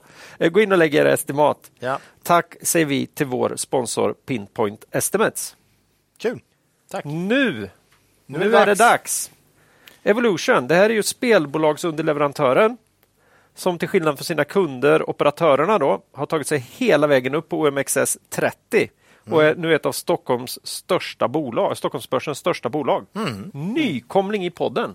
Ja, men så är det ju. Eh, alltså, H, nu, nu har jag svårt att... Är de här större än H&M till och med? Det måste de väl vara? Ja, det är nog i paritet. Det va? är väl paritet. Ett antal hundra jag höll på att säga att det miljarder i här, det här börsvärde. måste vara det största vi har tagit upp, men vi har tagit upp Atlas Copco tidigt och så här, men det här är ett jättebolag. 240 miljarder tror jag de har ungefär. Jättebolag är det här. Jag vet inte vad H&M ligger på just nu. Det är så Eh, kul för vissa tycker, pratar ju om dem det. ibland som den här lilla, lilla lättfotade tech-utmanaren. så här, och sen är det liksom ett jättebolag. Ja, de är faktiskt högre än H&M. H&M Just nu i alla fall. 212. Ja. Ja, det är Ja, häftigt. det är... Men då är det dags. Live-casino är Stort. stort. Det är shit. Ja, nej, men Evolution noterades eh, 20 mars 2015 då, för 80 kronor. Efter justering för split eh, så blev det 16 kronor. Då. Eh, och upp över 5000 procent. Det är ganska bra. Det är bra, ja. Det har varit en trevlig resa för de som hoppar på det här. Ja. Sen är det ner 11 procent eh, senaste året. Då. Så att senaste året har varit lite tuffare. Vi kommer återkomma till det. Då. Men, men här måste man ju säga, till skillnad från massa IPO då, som vi har ju suttit och klagat på, eh, av att man noteras på toppen. Det gjorde inte Evolution. Nej, Eh, utan här är både tillväxt och marginaler blivit bättre efter noteringen. Grymt. Och det är ju trevligt att se att eh, det fanns eh, någon IPO där man lämnade en, liksom, bra saker till investerarna också. Ja. Och inte bara till de gamla ägarna. Ehm, ja, och man bytte sen till, eh, till Nasdaq då, eh, 7 juni 2017 och handlas nu på large cap som du sa. Eh, Evolution är ju det är ett speciellt bolag att ta i podden. Eh, vi har ju fått jättemycket frågor genom åren eh, och det finns ju många privatpersoner som är extremt kunniga och pålästa om bolaget. Mm. Eh, Så att vi kommer nog inte kunna ge just de här personerna nya lärdomar men vi hoppas det blir en bra genomgång för de som inte är lika inlästa. Ja. ja. Eh, Men de har inte varit med på den förut för värderingen har känts för hög. Eh, Men nu har den kommit ner. Så Mm. lite intressant att plocka upp dem. Då. För det här är ett kvalitetsbolag eh, och det kommer märks när vi går igenom siffrorna. Och I och med att de är nya så blir det lite längre genomgång. Då. Som de flesta börsnoterade vet så är Evolution B2B, business to business, inom spelprogramvara till online eh, iGaming-operatörer. Tänk Kindred, Betsson och de andra. Nästan alla är kunder hos Evolution. Mm. Eh, De största och mest framgångsrika spelen är ju Live Casino. Eh, Men man har efter flera förvärv nu på slutet även kasinospel, såna här R&D Random Number Generator-spel, där man har slumpmässigt baserade nummerdata då, som ligger bakom. Eh, Men det speciella med Live då är att man, till skillnad från ett vanligt online-spel, eh, har man då en mänsklig dealer som i realtid ja, dela ut kort då, eller vad det nu råkar om det är roulette, spinner i Det hjulet. blir då. än mer som att vara på ett, ett fysiskt kasino. Det, det känns, det är på riktigt. Känslan blir som ett fysiskt kasino Ja. fast du sitter hemma. Då. Ja. Du kan sitta i kalsongen om du vill. Liksom. Är du tillräckligt rik kan du också göra det på kasino. Ja, ja. Men, då måste man ha vunnit först. Ja, du måste vinna först. Men, men den här trenden har ju varit en enorm framgångssaga för Evolution. Då. För, för deras utveckling har varit helt otroligt stark. Eh, omsättning de senaste sju åren plus 49 procent i snitt Per år. per år. Ja, det är, Och vinsten 67 procent upp i snitt. Ja, det, det, måste, det måste vara Det är topp. mumma. Det måste Ja, vara topp. det måste vara absoluta toppen börsen. Ja. Alltså, är det stora bolag garanterat så är det Ja, Möjligtvis finns något litet bolag som började från ganska små tal Mm. som kanske kan procentuellt slå det, men det finns ju ingen som är i närheten när det Nej. gäller liksom absoluta termer. Och tittar man på, på andra hyllade bolag, då, Secte och Nibe, ja. tog jag upp. Secte har ökat vinsten sju år i snitt med 14 procent, Nibe med 15,5. Mm. Det är ju bra, Det är bra. men Mer, det är långt ifrån 50. ja, ja, det är helt... Men en del i, i Evolutions fina tillväxtresa är ju då att man har verkat inom just ett segment som också har varit väldigt starkt. Mm. Eh, Globalt har online-casino haft tillväxttakt på 19 procent mellan eh, 2017 och 2021. Då. Men live-casino har växt ännu snabbare och tillväxt på 31 procent.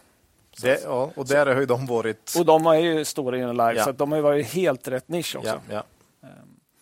R&D då, som har gått in, R&D, eh, slots och sånt som har gått in på slutet har tillväxt på 15 procent i snitt. Så det är ju också eh, högt, men det är klart lägre än vad live har. Då. Mm. Eh, men intressant då, så live-delen är bara 31 procent av online-marknaden fortfarande, trots att den har växt snabbare. Då. Eh, så det är potential kvar att ta mer av kakan, så att säga. Och ännu mer intressant blir ju att eh, hela online-marknaden eh, eller eh, on online-spel är bara 25 procent av hela spelmarknaden. ja jo, den är ju... 75 procent är fortfarande offline. så att Ja. säga. Och Det är ju då eh, lotterier, landbaserade kasinon, spelautomater, liksom fysiska slottsmaskiner. så att säga.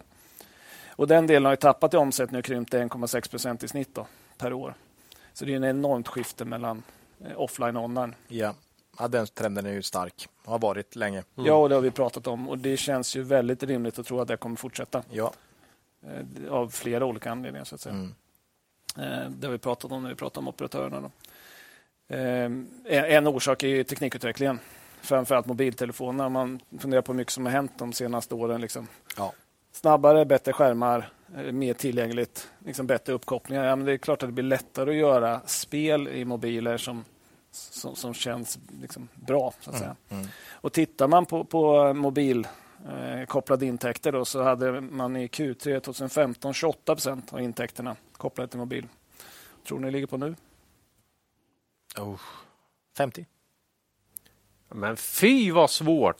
Ja, Jag har ingen... satt det på nej, jag kan, nej, jag, jag kan inte. Jag kan inte. Okej, du får jag, högre än lägre än Ola då. ja, det är ju högre. Ja. Det är ju högre. 68 är det, så det, var lite, 68. det var lite högre. Mm. Det är mycket lättare om man inte behöver Jag en vet. siffra, liksom. Ja, det är så jädra elakt Det är så där smart i, i att inte säga något först. ja. här radiotävlingar där Ja. någon ska sätta en siffra och så har de andra bara högre eller lägre Ja, på ja. den. Sen är det kul, om Ola hade sagt så här 30 så kunde det vara sån här anchoring. Då vågar inte du säga mer Nej. än 45. Liksom. Nej.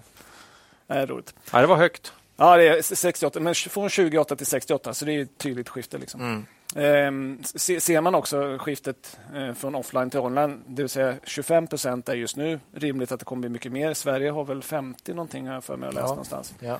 Eh, och att live då är den 31 procent av hela online, så känns det som det finns rätt mycket utrymme att växa på Mm. för Evolution. Även fortsatt då? Ja. Ja, för det, det finns ju inte och kommer aldrig kunna finnas en konkurrent här. Så att, Nej, inga konkurrenter. Nej, man ska inte men, men Eller vi kan ta det. Men alltså, vi, vi har ju pratat om det där tidigt. Att liksom, det borde ju komma massa andra här. ja, det är helt Eh, ofattbart. Men man har ju växt på helt enormt Mm. eh, och hållit konkurrenterna liksom. Och det är det vi har haft svårt för i det här caset, eh, förutom värderingen då, Mm. eh, har ju varit att är marginalen uthållig? Eh, De tjänar väldigt mycket pengar och borde det inte bli någon form av konkurrens här så småningom att eh, någon tar upp en, en rejäl eh, tä, alltså, in- Tävlan här. tävlan här. Eh, och det är väl det som vi har. Och det finns ju en del konkurrenter, men de har ju verkligen inte lyckats som Nej. Evo. Nej. Ehm, så, så att även om liksom, de har haft marknaden med sig så Evo växer ännu mer. Ja. Eh, vad beror det här på då? Eh, ja, läser man igenom Evolutions pressmeddelande från noteringen och framåt, då, vilket jag gjorde under julen. Då. Mm. det, är, det, är en helt, Kul jul det är en helt rimlig sak att göra. Känn inte att du är speciell annorlunda, Marcus. nej, utan det är, vem som helst skulle kunna ha gjort det. det, var vem ganska kul, det var ganska kul faktiskt. Mm. Nej, men det är jättemycket innovationer faktiskt. Jo, jo. Eh, om spel och så här. Och redan i Q4 2021, eh, 2015 så lanserar man Dual Play Casino. Mhm. Och Det är ju då när man har eh, suddat ut gränserna mellan fysiskt och online så att en spelare vid det fysiska bordet på kasinot kan spela tillsammans med någon på nätet i samma bord. Så att. Mm. Shit, ja. Det är ganska häftigt. Eh, Speed Blackjack eh, följer vanliga regler men skiljer sig åt rörande turordning. Jag vet inte, ni har säkert varit på krogen. Ja, Blackjack har jag spelat någon gång. om Ja. ni kommer ihåg när du sitter och spelar Mm. och du tycker det är lite kul att spela och så sitter någon bredvid som är full och bara pratar med sina polare och inte säger vad han ska göra med sina kort. Ah, okay. Kommer ni ihåg den? Ja, ja. Ja, men då blir man lite så här... fan, men spela då? Mm. Koncentrera och vara med. här, Liksom. Men, men här på nätet då, de har gjort om det här så att den som är klar först Mm. får sina kort. Ah. Så att, eh, liksom, då, då har man räknat här att man tjänar, det går 30-40 snabbare än vanlig blackjack. Mm. Eh, och så där. Om man då är förlorad kan man gå därifrån så kan fulla killen sitta kvar. Liksom. Kul, kul. Eh, ro- roulette med två kulor. Lite spännande. Okej. Ja, ja. Dubbelt så stor chans att vinna kan man Mm. tänka sig. ja. Eller? Gå dubbelt, dubbelt så snabbt för spelbolaget och, och, och, och tjäna pengar. Lägg krocka. Så kan det också vara. Ja. Eh, 2019 baserar, lanserade man spel baserat på det här underhållningsprogrammet Deal or No Deal. För Man sett att preferenserna gick allt mer mot liksom underhållning Mm. eh, i bredare eh, liksom showperspektiv. Då. Och sen finns det jättemycket mer. Eh, om man kollar igenom PMen så finns det jättemånga olika produktinnovationer. Men jag tycker faktiskt det känns som att produktutvecklingen är det framförallt som har gjort att man har kunnat hålla konkurrenterna stången. Då. Förmodligen. Plus att man sen blir ju så pass stor Mm. så att det är svårt att undgå. Liksom. Man är de facto standard, så att Det har säga. blivit så. Mm. Men, men eh, läs PMen om man är intresserad. Mm. Eh, sen har man ju breddat sig geografiskt väldigt kraftigt. I rapporterna mellan 2015 och 2017 så talar man i princip bara om Europa. Eh, I Q2 2017 stod exempelvis övriga världen för 14 procent av försäljningen. Och då var ju Storbritannien störst med, med 20 då. Ja. Sen kom ju Nordamerika in från 2018. Första studien i Kanada Q1 18 och i New Jersey Q3 18. Eh, och det är en stor tillväxtmarknad eh, för fler länder öppnar upp för eh, online-spel. Har vi pratat om när det gäller operatörerna. Även om de som vi följer mest har ju tagit lite olika väg där med att Betsson avvaktar mer. Mm. Kindred kastas in. Det intressanta där är ju liksom att man är ju en spelleverantör. Så att man är ju beroende av att det spelas men inte lika beroende av lönsamheten hos operatörerna. Så att säga. Men i Q3 2019 så specificerar man Nordamerika för första gången då, i rapporterna och då var det 6,5 procent av omsättningen. I Q3 2022 så var det 13,2 procent. Så det är dubbelt upp i andel på en omsättning som ökat kraftigt. Då. Så USA har gått bra. Sen har man en marknad till som har växt ännu kraftigare och det är, det är Asien. Då. Mm. Under 2018-19 började man prata lite om Asien. Det gjorde man aldrig innan. Eh, och i Q3 2019 så var det 17, eller 14,7 procent av omsättningen. Och sen har det växt hela tiden och nu senaste rapporten var det 33,7. Oj! Shit, ja, det är mycket alltså. Ja, det är väldigt kraftig ökning. Mm. Och en fördel med breddningen är att man minskar kundberoendet. Mm. Eh, De fem största kunderna stod för 38 procent av intäkterna 2017 Mm. och nu senast eh, 2021 var det nere i 22 procent. Mm, Ja, det är bra. Så det är bra. Ja. Man blir bredare geografiskt och bredare på antal kunder. Mm. Men det som oroar en del på marknaden är ju när man breddar sig så här är att man får ju eh, eller hur stor andel har man av icke-reglerade intäkter. Då? Jo. Och det har ju kommit ett par blanka rapporter. Kommer ni säkert ihåg. Ja. Som, som eh, spekulerade i då att Var det då aktien var nere i Ja, 8, 9, framförallt ett av de stora rasen var ju på en blanka rapport. Mm. Mm. Ja. Sen, sen var ju aktien rätt svag när det var svagt på börsen. ja, när börsen det. följer. Mm. Ja. Men, men i början var det de här blanka rapporterna. Och bland annat tar man upp den här regulatoriska risken i allmänhet, men specifikt då att risk för att man låter spelare i länder som står under USA-sanktioner spela på spelen. Och att man därmed skulle riskera sina egna licenser som man har i USA. Då. Mm. Eh, och det vore ju inte bra. Men Evolution publicerar då ett pressmeddelande 24 november 21 kan man eh, kolla på. Där man, ju, man pratar väldigt mycket runt omkring det, men om man sammanfattar i en mening så tycker man att det är operatören som har ansvar för kunderna. Mm. Evolution har bara tillhandahållit spelet så att säga Ja. eh, till operatören. kan man läsa pressmeddelandet för mer detaljer. Då. Man har ett avsnitt i varje rapport som talar om att utvecklingen på, eh, av rättsläget rörande iGaming är en riskfaktor för dem. så att säga. Mm. Mm. Så att, att det finns regulatoriska risker inom iGaming, det har vi pratat om mycket. Ja, ja. Det får man leva Men, med. men de, alltså, de, är så, de är så stora nu och så geografiskt. Alltså det, det vi önskar att operatörerna ska göra med att sprida sig geografiskt över olika länder helt enkelt och oli- olika fördela ut de här riskerna. De har ju gjort det liksom med en faktor 100 Mm. mot, mot vad, vad de... Så, så de är ju... Det är ju det som Det går inte att slå dem på fingrarna där längre. Och, och samtidigt, jag tycker också det är lite konstigt att frågan är, liksom, är det allvarligare idag än tidigare? I Q3 2022, 41 procent av intäkterna från reglerade marknader. Men om man går tillbaka till Q2 2018 så var det 31 procent. Så man har ändå ökat 10 procentenheter från reglerade marknader. Då. Ja. Det har väl att göra med att en del av de europeiska marknaderna har reglerat under tiden. Då. Precis. Här är det viktigt att komma ihåg att det är skillnad på oreglerad marknad och det vi brukar kalla svarta marknader eller väldigt grå marknader. Utan många av de här marknaderna så har ju liksom myndigheterna ingen stor åsikt än. Än. Svart är det ju först när myndigheterna aktivt säger att det här är skit, vi vill inte ha det hos oss. Och du fortsätter. Ja. Då, då, då blir det ju grått eller svart. Då. Men, så, så det är inte lika med tecken mellan oreglerad och, och, och, och skam. Nej. Eller vad ska säga. Nej. För det är lätt att tro det. Eh, Så att, eh, men precis som du var inne på Claes, man kan ju anföra att de regulatoriska riskerna går ner när man sprider sig geografiskt. Eh, För då är man inte lika mycket på varje marknad. Som en marknad då skulle hända någonting med så ja, får det inte lika stor effekt på helheten så att säga. Nej, men bara för att det, någonting händer i, i kanske no, det, börjar händer, liksom, det blir kanske en våg i några länder i Asien. Det kommer inte påverka USA-marknaden och delstaterna där. Tvärtom. Det händer lite i staterna i USA. Det kanske händer ingenting i Asien. Nej, men då, är man, då går det lite bättre där. Man fördelar ut över Europa i Europa och sen har du övriga världen också. Sen generellt sett så är det ju operatörerna som har varit i blickfånget. Hela tiden har det varit så. Spelleverantörerna har ju ur ett regulatoriskt perspektiv inte alls varit lika utsatta. Nej.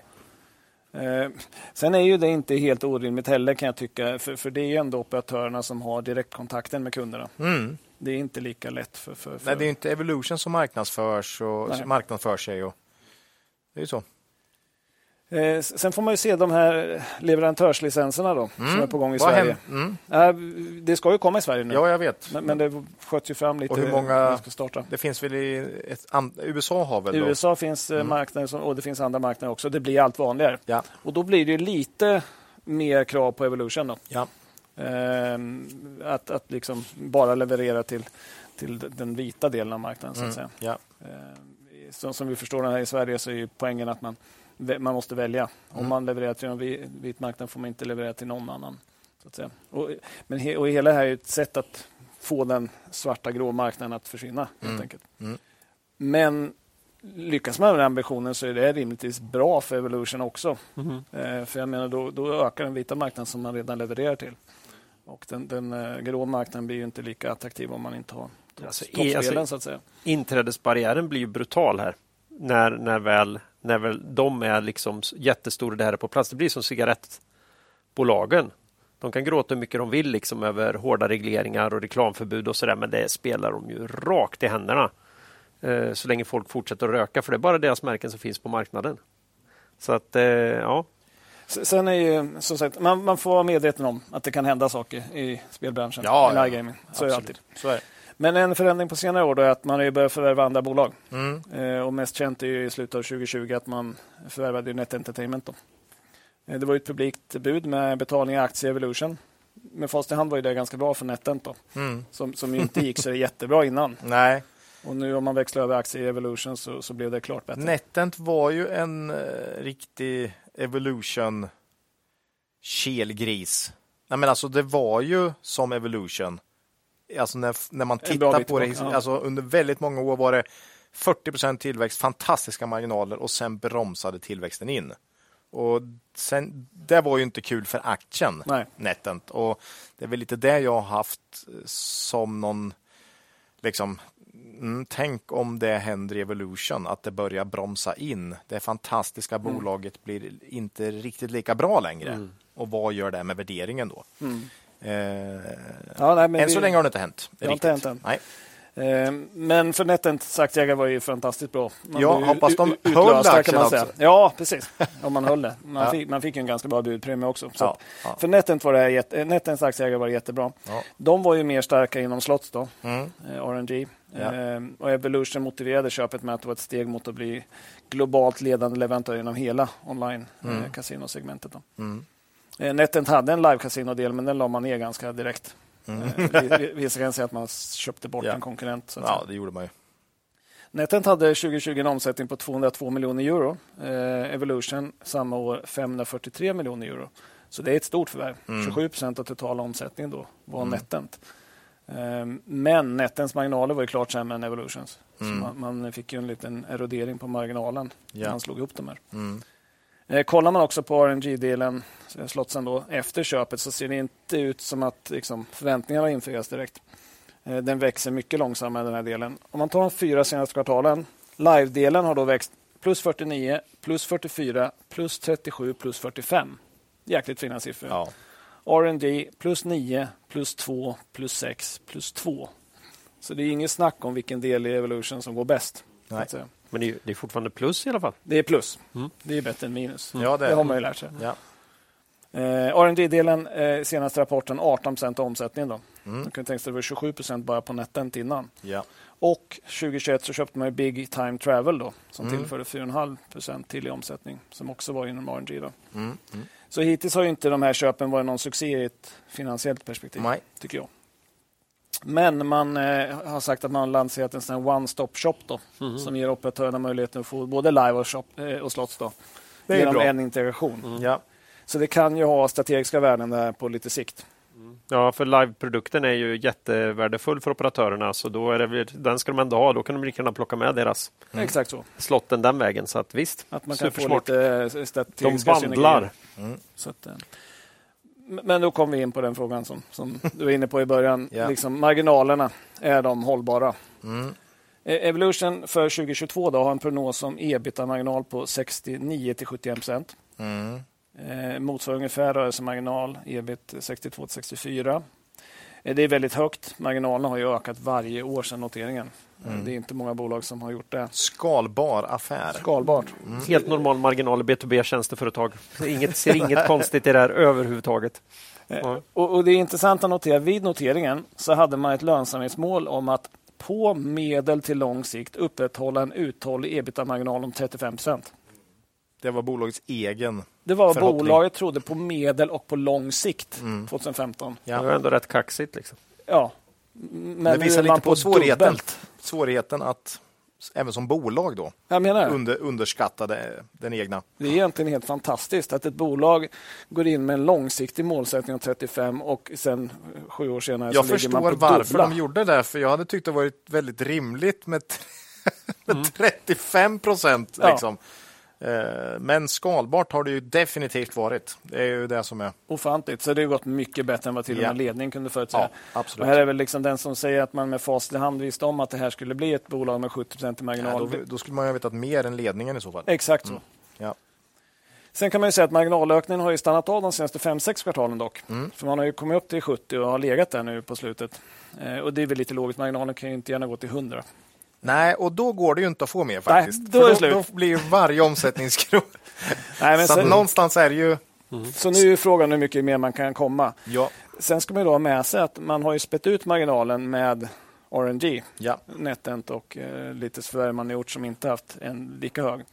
Så, så att eh, bara live själv har ju förmodligen fortsatt att skala lite. ja. Men men det är svårt att läsa ut. Ja, men det är ju en brutal economy of scale här. Mm.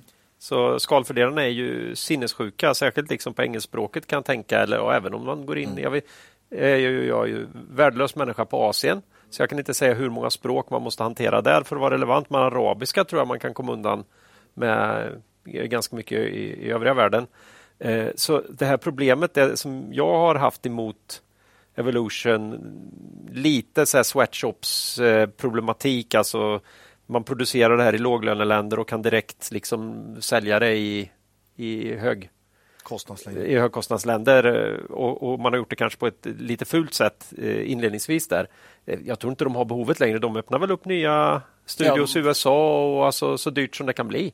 För nu, det spelar kanske inte ens någon roll för dem längre. För det är som, man- varje enskild sån här operatör eller vad de kan heta servar ju hur många människor som helst. Ja, och det är ju det. Men, Från början var det ju en del som hade det emot Evolution, kommer jag ihåg. Alltså tidigt här. Att, Det finns ja, en men det finns, sitter- ingen, det finns ju ingen skal. Nej. Du måste ju öppna en, la, en, en, en stor lokal med anställda för att få tillväxt. Mm. Det var inte helt digitalt då. Men det... Vi- Vissa av de här tjänsterna är ju faktiskt så att de kräver lite mer folk. Några av de här eh, utvecklarna du tog upp där. Mm. Det kräver ju lite, men många av dem de har, det är ju liksom hur många som helst in på det där Ja. virtuella roulettebordet. Ja, ja, ja. Liksom. Nej, men det, det, liksom Och framförallt är just det, du kan ju lägga till så många fler spelare Ja. utan att det... Eh, Så så, att, det eh, skalar så jag- uppenbarligen väldigt bra ändå. Ja. Och, och, den här, och den här, det, det seglade ju upp till storm där strax innan pandemin vet jag när det gällde liksom eh, förhållandena för deras anställda Mm, i, nu ska jag inte komma på vilka öststater det Nej. var de var i. Bulgarien kommer för, det var säkert, nej, Georgien tror jag att det var Georgien kanske var. Ja, men det där, det där försvann ju under pandemin och det har liksom inte blossat upp igen och de är så stora nu så de borde ha ögonen på sig. Jag, jag tror också att de jämfört med de andra jobben som är runt omkring Ja. i de länderna Inte är dåliga. Inte är så dåliga. Nej. Så att, eh, Nej, det, det verkar inte vara en stor fråga just nu i alla fall. Nej. Sen är ju, de, de sa själva att deras marginaler under pandemin var lite extra bra för att man, man fick stänga ner på grund av covid-restriktioner på vissa ställen. Då flyttar man det till andra ställen men då minskar man ju lönekostnaden lite grann men man kunde skala upp på de borden man hade kvar så att man fick lite extra skjuts där. Eh, Men men man har ju inget mål. Man, man har ett mål nu på liksom, eh, årsbasis. Men vad tror man nu på lång sikt? Mm. Är det här man ska ligga? Eller ska man skala ännu mer eller kommer det gå ner? Mm. Det, tycker, det är ju huvudfrågan. Ja, den är ju det är lite nyck, det är ju tusen kronors frågan. Ja. Solklart. Som vanligt. Ja. Så kan man ta ett mål rörande lönsamheten skulle vi tycka det var jättetrevligt. Mm. Man har ett mål om att ha utdelning på 5 av resultatet men, och växa mer än marknaden i stort. Men, men vilken Säg, lönsamhet inte så mycket. Nej. eh, skulle underlätta för oss. Tittar man på ägarlistan då eh, så ser den ut lite grann som i Swedish Match när vi körde dem i podden. Mm. Det är ju väldigt mycket amerikanska ägare. Ja. Få svenska institutioner. Ett undantag, första och andra AP-fonden är med på topp 20. Jaha, jag trodde de var tvinga, skulle ha sålt allt. Det kan man tro. Det Jaha. trodde jag också. Men eh, plus till, eh, till dem då. Och bra för Eller, sven- ja, eller, eller negativt då om, om, om de nu skulle ha... Har sålt och sen misslyckades. Ja, men, men jag, jag tycker det är bra för svenska pensionssparare Ja, ja, att de är ja. med på i alla fall ett litet hörn. Sverige. För, för, för det är lite intressant med de här ESG-riktlinjerna. Mm. Liksom, som är ju de som gör att det ser ut så här ändå, att det är så få svenskar med. Mm. Institutioner. Det talas ju ganska ofta om att ESG-fonden har gått så här eller så här. Men Mm. man talar ju väldigt sällan om vilken avkastning har man missat. Nej, så det. För att man inte till exempel har ägt Evolution. Mm. Det är ju väldigt få som pratar om. Ja, det, så är det ju. Eh, Och här är ju uppenbart att det finns ju jättemycket pengar som man har lämnat på bordet. Om man säger så. Mm. Ja. Eh, Men om man ska vända på det här så är det ju liksom, det finns ju ingen garanterat någon aktie som har ge- gett så många svenska privatpersoner så stor förmögenhet Nej, borde inte... som Evolution. Det kan inte ha varit. någon. Nej, inte under den här senaste tittar tio man, åren. tittar, man- ja, men tittar man på ägarlistan, ja, precis. Tittar man på ägarlistan ser ut var de kommer ifrån, hur stort börsvärdet är nu och Ja. hur, hur lite ägt det har varit av institutioner och sånt. Mm. Så i det här bolaget, det, ser man ju överallt på Twitter. Absolut. Så, så att det är ju eh, stor creds till alla som varit med på den resan. Mm. Och några som mer, mer har varit med på resan är ju grundarna. Ja, Jens von Bar och Fredrik Österberg till exempel sitter båda i styrelsen och har aktier för över 20 miljarder. ja det, det är inte, det är inte fy skam. Det är inte fy skam. Nej. Och då sålde de ändå aktier för 6,2 miljarder i eh, maj 2021. Då. Mm, bra timing på den. Eh, men då när aktien går ner sen så vill man ju kanske se att de återinvesterar de här lite grann. Det har de inte gjort. Men VD köpte VD ett gjorde. gäng, ja. Mm. Han köpte aktier för 100 miljoner. Mm. Strax under 800 kronor. Det, Bra timing på det den. var riktigt bra timing. Det Ja. är nästan precis botten. Ja, det är snyggt. Sen gick ju sig kursen upp på att han gjorde det här köpet också. Ja, det är sant. Men, men det var en jättebra signal till marknaden. Mm, Och d- där kan man prata om liksom, ja, Skins in the game, skins in the game och eh, bra- pilotskolan liksom. och allt. Ja. Nere på 800 var vi ju nästan, då var, då var man ju nästan lite sugen. Alltså. Ja, jag, jag, var, Men jag, eh, vi fick, ja. jag, jag köpte in lite, men vi kommer till det. ja. Men vad säger man om värderingen då? Jo, Mm. eh, rullande 12, eh, vinst per aktie 3,7 euro, dollar, eller eurokurs 11,23, vinst ungefär 41,50. Eh, kurs 1145 då, eh, som det var nyss. Eh, bakåtblickande 27,5 i P. Det finns det, Lägre än, lä- lägre än det varit, än men, som när det var som högst. Ja. men när jag började titta på det så, så var det Ännu lägre. ännu lägre. Ja, det har gått upp en del. Den har gått jättestarkt sista månaden. Ja.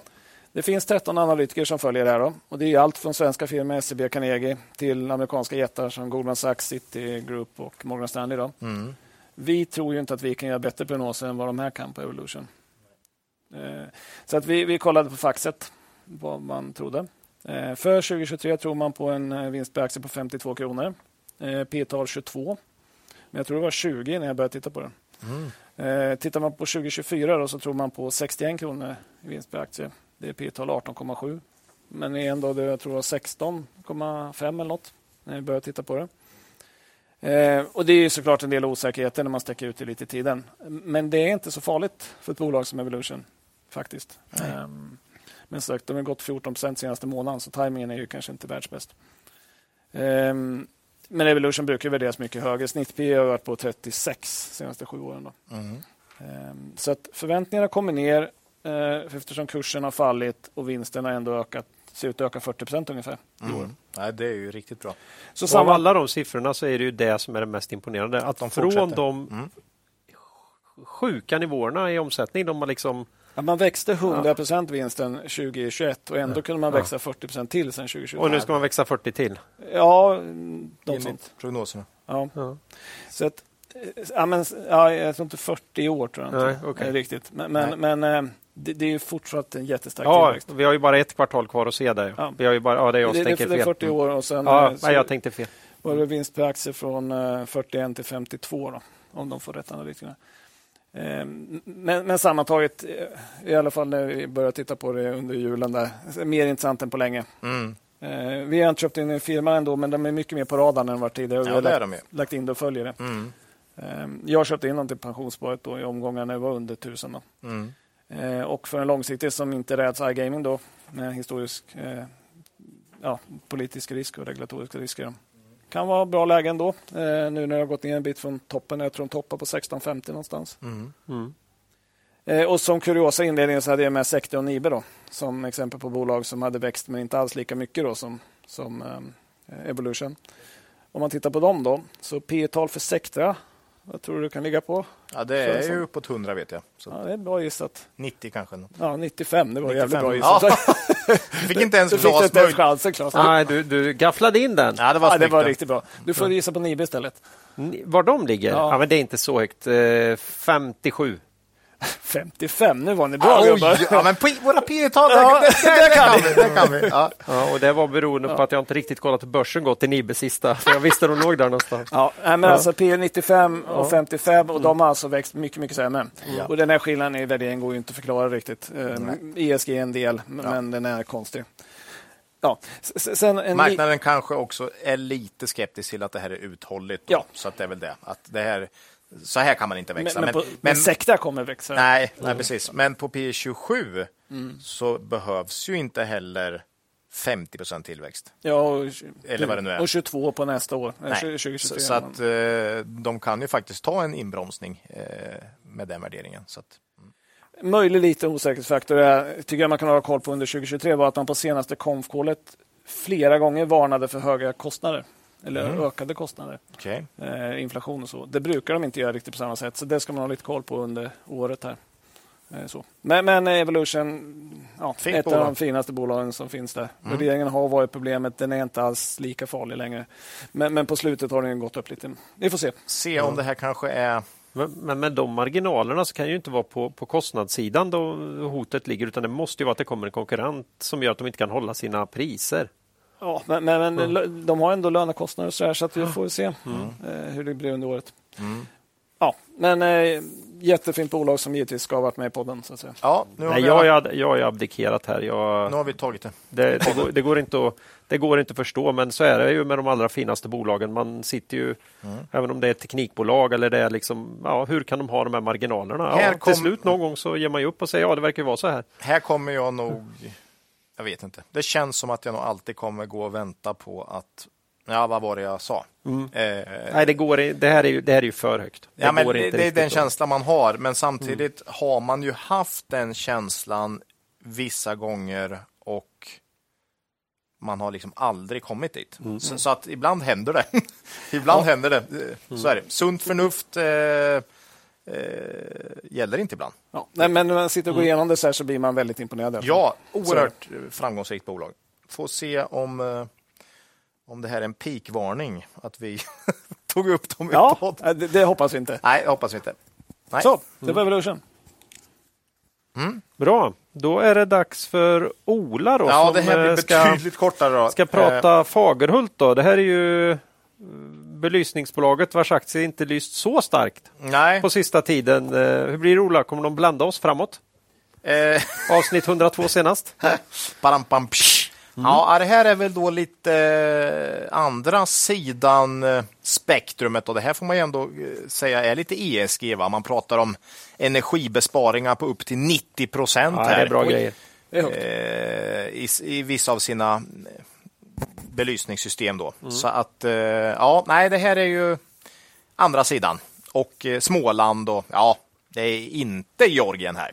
Och ingen eh, regulatorisk risk. Nej. Nej. Mycket heller. Eh, inte samma tillväxt Nej. dock, men Inte samma marginaler heller. eh, senast vi pratade Fagerhult var i oktober 2021 och då var ju lite då kan man säga piken på börsen. Kurs då 69 kronor, kurs nu 45. Minus 35 procent ungefär. Eh, Då sa vi bra, stabilt, långsiktigt bolag. Eh, Vi sa ESG, eh, men att vi inte kunde räkna hem aktien. I år då, 2022 januari till september, så har Fagerhult levererat en omsättningstillväxt på cirka 14 procent. Rörelsemarginalen är dock ner lite grann. Ganska många som har eh, sett det faktiskt, eh, som vi har pratat om ju. Ebit är nämligen bara upp 6 då, procent. Eh, och resultattillväxten har faktiskt inte varit så hög under året som vi trott och som jag skissade på när jag pratade om dem för nästan ett och ett halvt år sedan. Då. Okej. Eh, orderingången senaste två kvartalen nu har varit ungefär flat.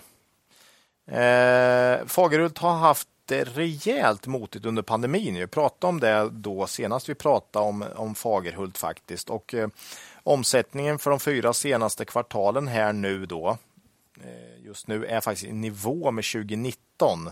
Så man är liksom nu tillbaks bara eh, på 2019 års omsättning. Då. Och Det här har ju dragit ner eh, Fagerhults långsiktiga fina tillväxt nu om man tittar. För innan pandemin så var man på 10% per år om man kollar tillbaks 10 år. Nu är man ju nere på 5% efter den här, de här senaste svaga åren. Då. Här tycker jag nog ändå att det finns möjlighet att komma upp mot 10 igen eh, om man ser framåt. Det är ett bra bolag med bra tillväxtmöjligheter. Eh, Har för- de något mål på det? Eh, nej, tyvärr inte. Man har ju förvärvat en hel del historiskt och som bidragit då till tillväxten. Tyvärr är balansräkningen nu lite svagare än vad den har varit historiskt. 2,7 nettoskuld ebitda.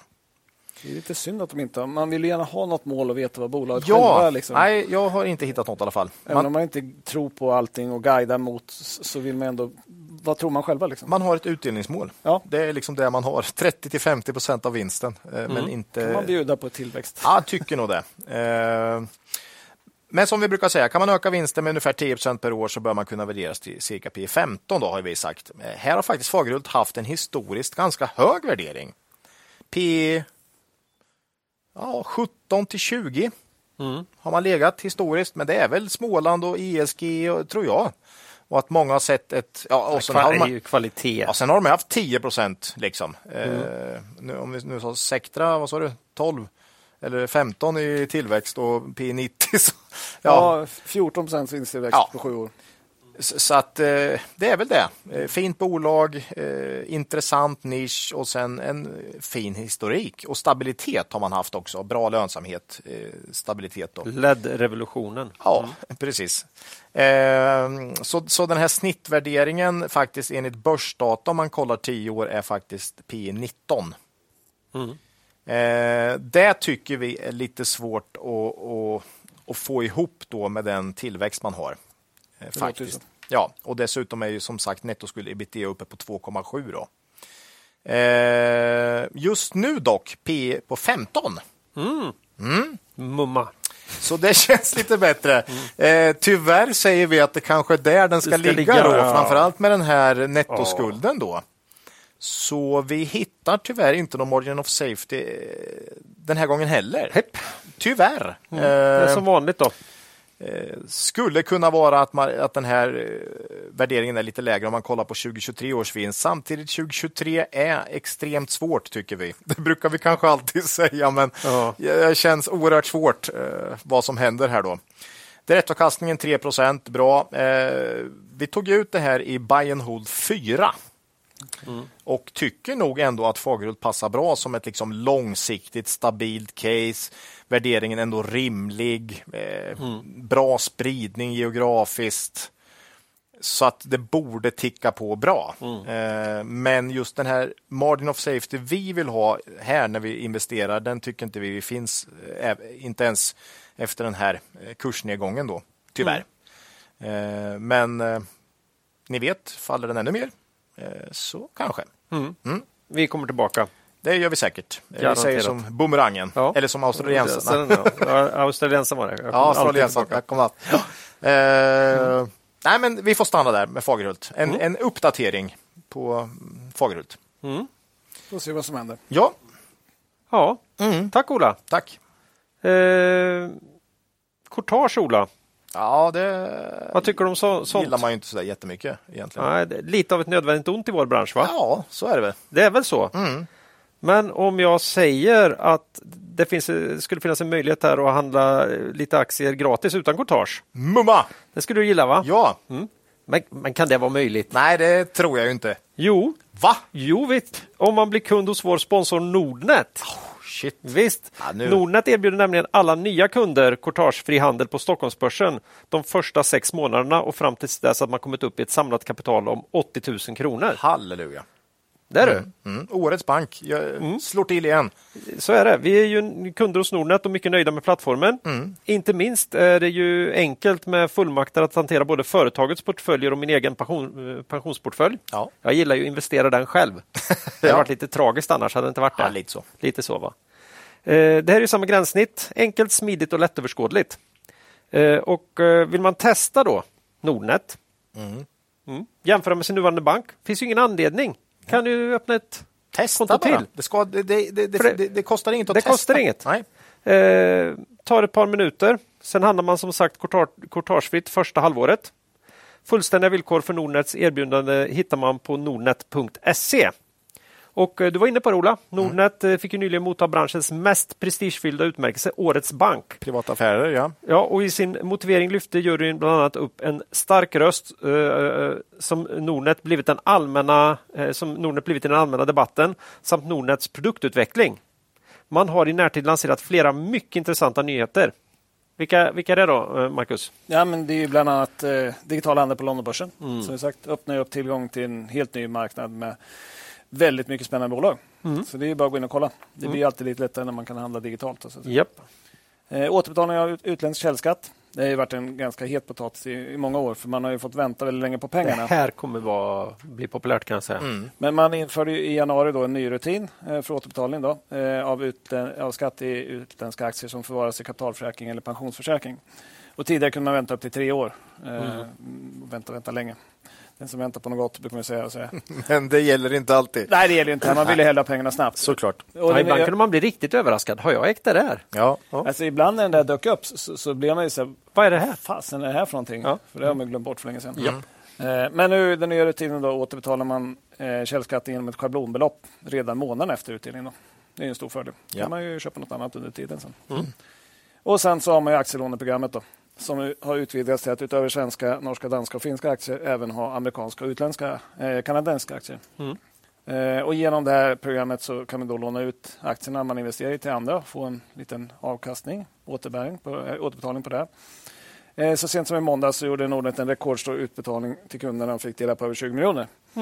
Och det, här såg jag, det dök upp en liten peng. Då. Det, det var lite kul för jag, jag noterade att Inte 20 miljoner. Nej, det var inte 20 till mig. Nej, nej. Men, men det var lite intressant för att på, på vad jag fick då så verkar en NIA och lite överraskande BTS vara det som folk är mest sugna på och, ja, låna. Låna. aktier. Vad de nu ska göra och. I BTS fall tror jag man lånar dem för att ha dem. För att ha dem. Det kan vara så. Men jag blir lite förvånad om man tar, kollar på vad man fick tillbaka i förhållande till storleken på innehavet så var det de, de två. Jaha, eh, och ja. jag hade inte gissat på att BTS skulle vara en av dem. Nej. Nej. Att, eh, ja, så kan det vara. Men så, så kan det vara. Och vi gillar ju att man kan gå åt alla håll på börsen. Vi tror att det är bra för eh, marknadens funktion. Så vi tycker det här är toppen. Så med allt det här sagt då, eh, alla ni som inte redan har ett konto hos Årets Bank Nordnet, gå in på nordnet- nordnet.se och signa upp er. Det kommer ni inte ångra. Eh, Vi vill också påminna om att finansiella instrument både kan öka och minska värde. Det finns en risk att ni inte får tillbaka de pengar ni investerar. Tack säger vi till vår sponsor Nordnet. Ja, Mm. då är det, är det jag. Jaha, Då är det du. Då är du ja. Nu väntar vi på dig. Ett, eh, Hårt. sist, eh, dagens sista bolag. Ja, Railcare. Ja, det var inte igår va? Det har blivit dags för en snabb titt på banvallarnas okrönta konung. Mm, b- Inte mycket snöröjning i år Nej, eller? det verkar dåligt. Det tar vi upp varenda gång. Fast och det vi, är ko- säkert och vi konstaterar att de åker en omkring fast... just här i Östergötland. Nej, De det, är ju, det är ju inte mellan Norrköping och Linköping Nej, de nej, åker. Och, jag nej. tippar att det finns andra delar av landet där de, där de kan få gå Vi har lös en av våra rejält. bästa vänner i Övik och han behöver ha snöröjning, det kan jag säga. Ja. Varför, varför tar vi upp Raidcare nu? Jag lovade det i en tidigare podd när vi pratade om deras senaste eh, affär. Eh, men eh, de skulle renovera lok.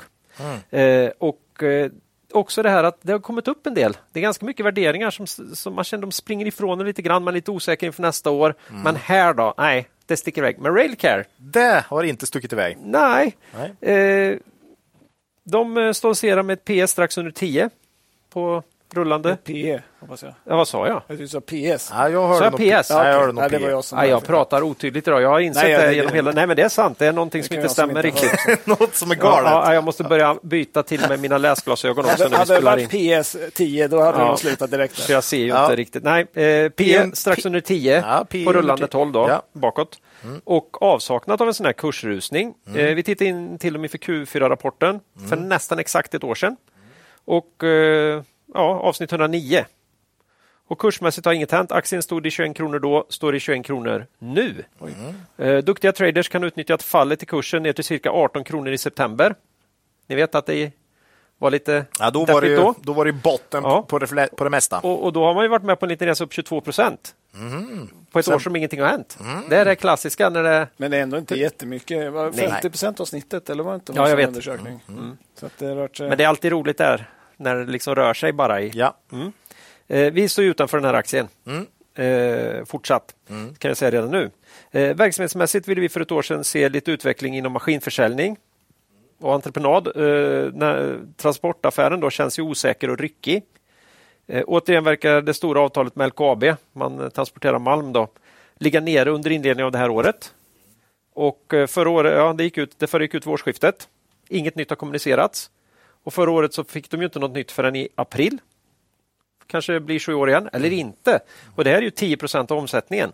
Så det är inte så där jätte... Ja, den, Kul. den ryckigheten är ju jobbig som Nej. investerare, att inte veta eh, om det där kommer Ja. eller inte. Det hade ju gått att skriva ett längre avtal kan man ju tycka för LKAB, men där man då har någon slags option på att ah, i de här tuffa första kvartalet så kanske det inte blir så mycket. Det är fortfarande en större trygghet. Det känns märkligt att det ska vara så här jättekorta på en sån, på en sån stor affär. Jag, jag funderar på, ja men om de inte tar vem annars ska åka upp med, med, med, med lok och vagnar? Är det, ja, det är konstigt. Det är, det är något mystiskt i den där eh, Jag tänker att du affären. åker dit med spade. Ja, ja, jag får göra det. Mm. Eh, för det här 10 procent och kanske ganska god marginal också. Ja. Och, och det är liksom upp i luften hela tiden. Då. Så vi vill ju ha mer av det här andra. Ja. Eh, vi hoppas ju på nyförvärv kanske. De har bra, eh, bra ekonomi här. Lite fart i någon av utlandssatsningarna. Eller en försäljning av den här elektriska MPVn. Mm, det har inte Vi brukar blivit... skämtsamt kalla dem järnvägens Tesla.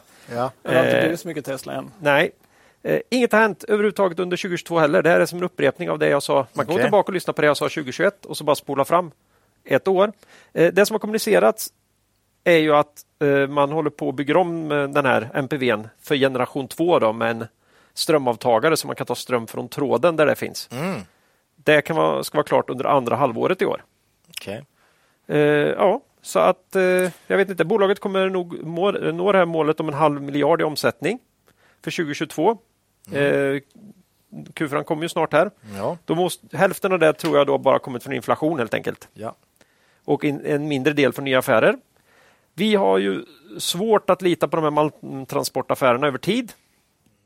Så eh, vi, ja, vi skissar på en vinst på 1,85 kronor per aktie. Och det är helt i linje med uppskattningen som finns i uppdragsanalysen från Analysguiden. De gjorde om den efter Q3 och sa att det borde bli 1,92 för 2023. Ja. Eh, direktavkastningen hamnar runt 4% Det är inte så dåligt Nej. eh, för ett bolag som eh, handlas till P10. Eh, framåt tror jag värderingen ligger runt P11. Ja, vi får se om bokslutskommunikén ger någon ny info. Annars så får vi nog vänta ett år till då. När ska man köpa. Claes? När ska man köpa och när ska man... Ja.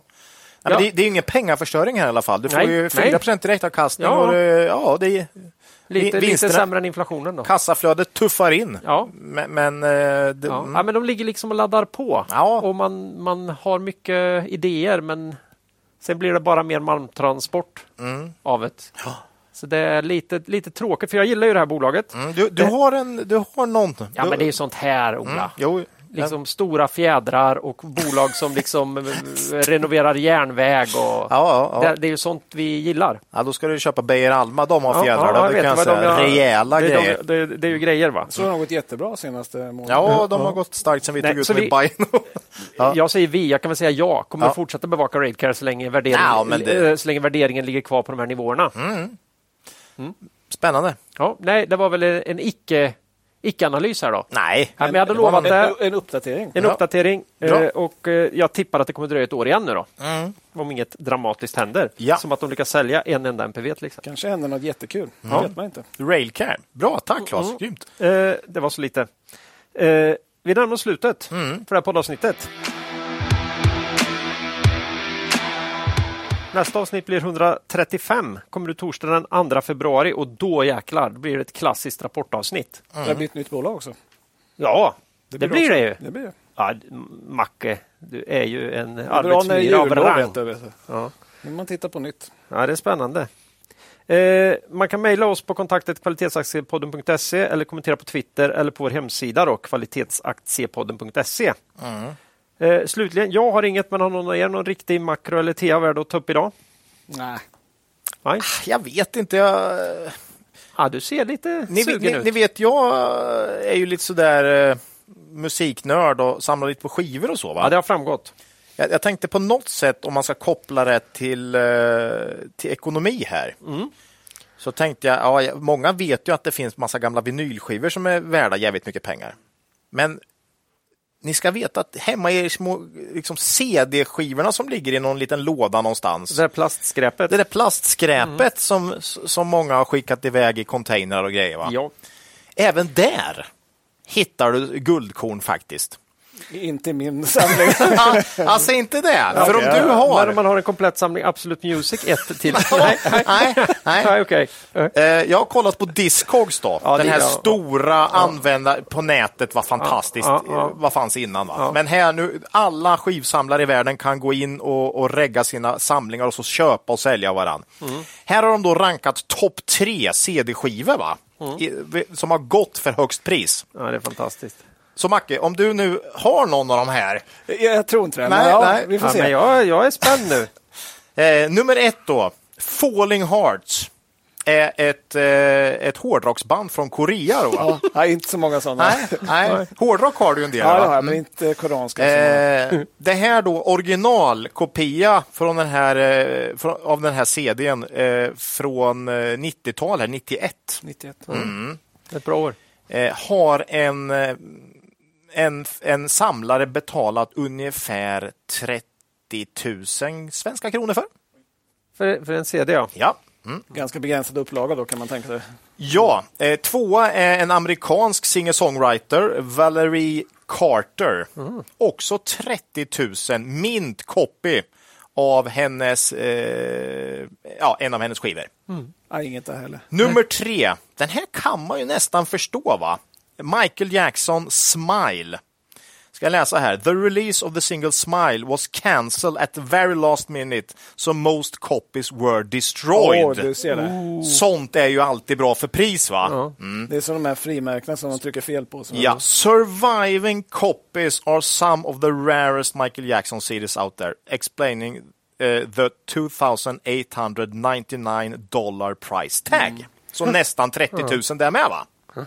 Så där, har ni någon av de tre? Nej, det var tyvärr tomt. Då. Ah, Okej, okay, vad synd. Vad synd. Ja. Nej, men grejen är den, eh, det finns faktiskt en hel del eh, värdefulla CD-skivor också eh, där ute.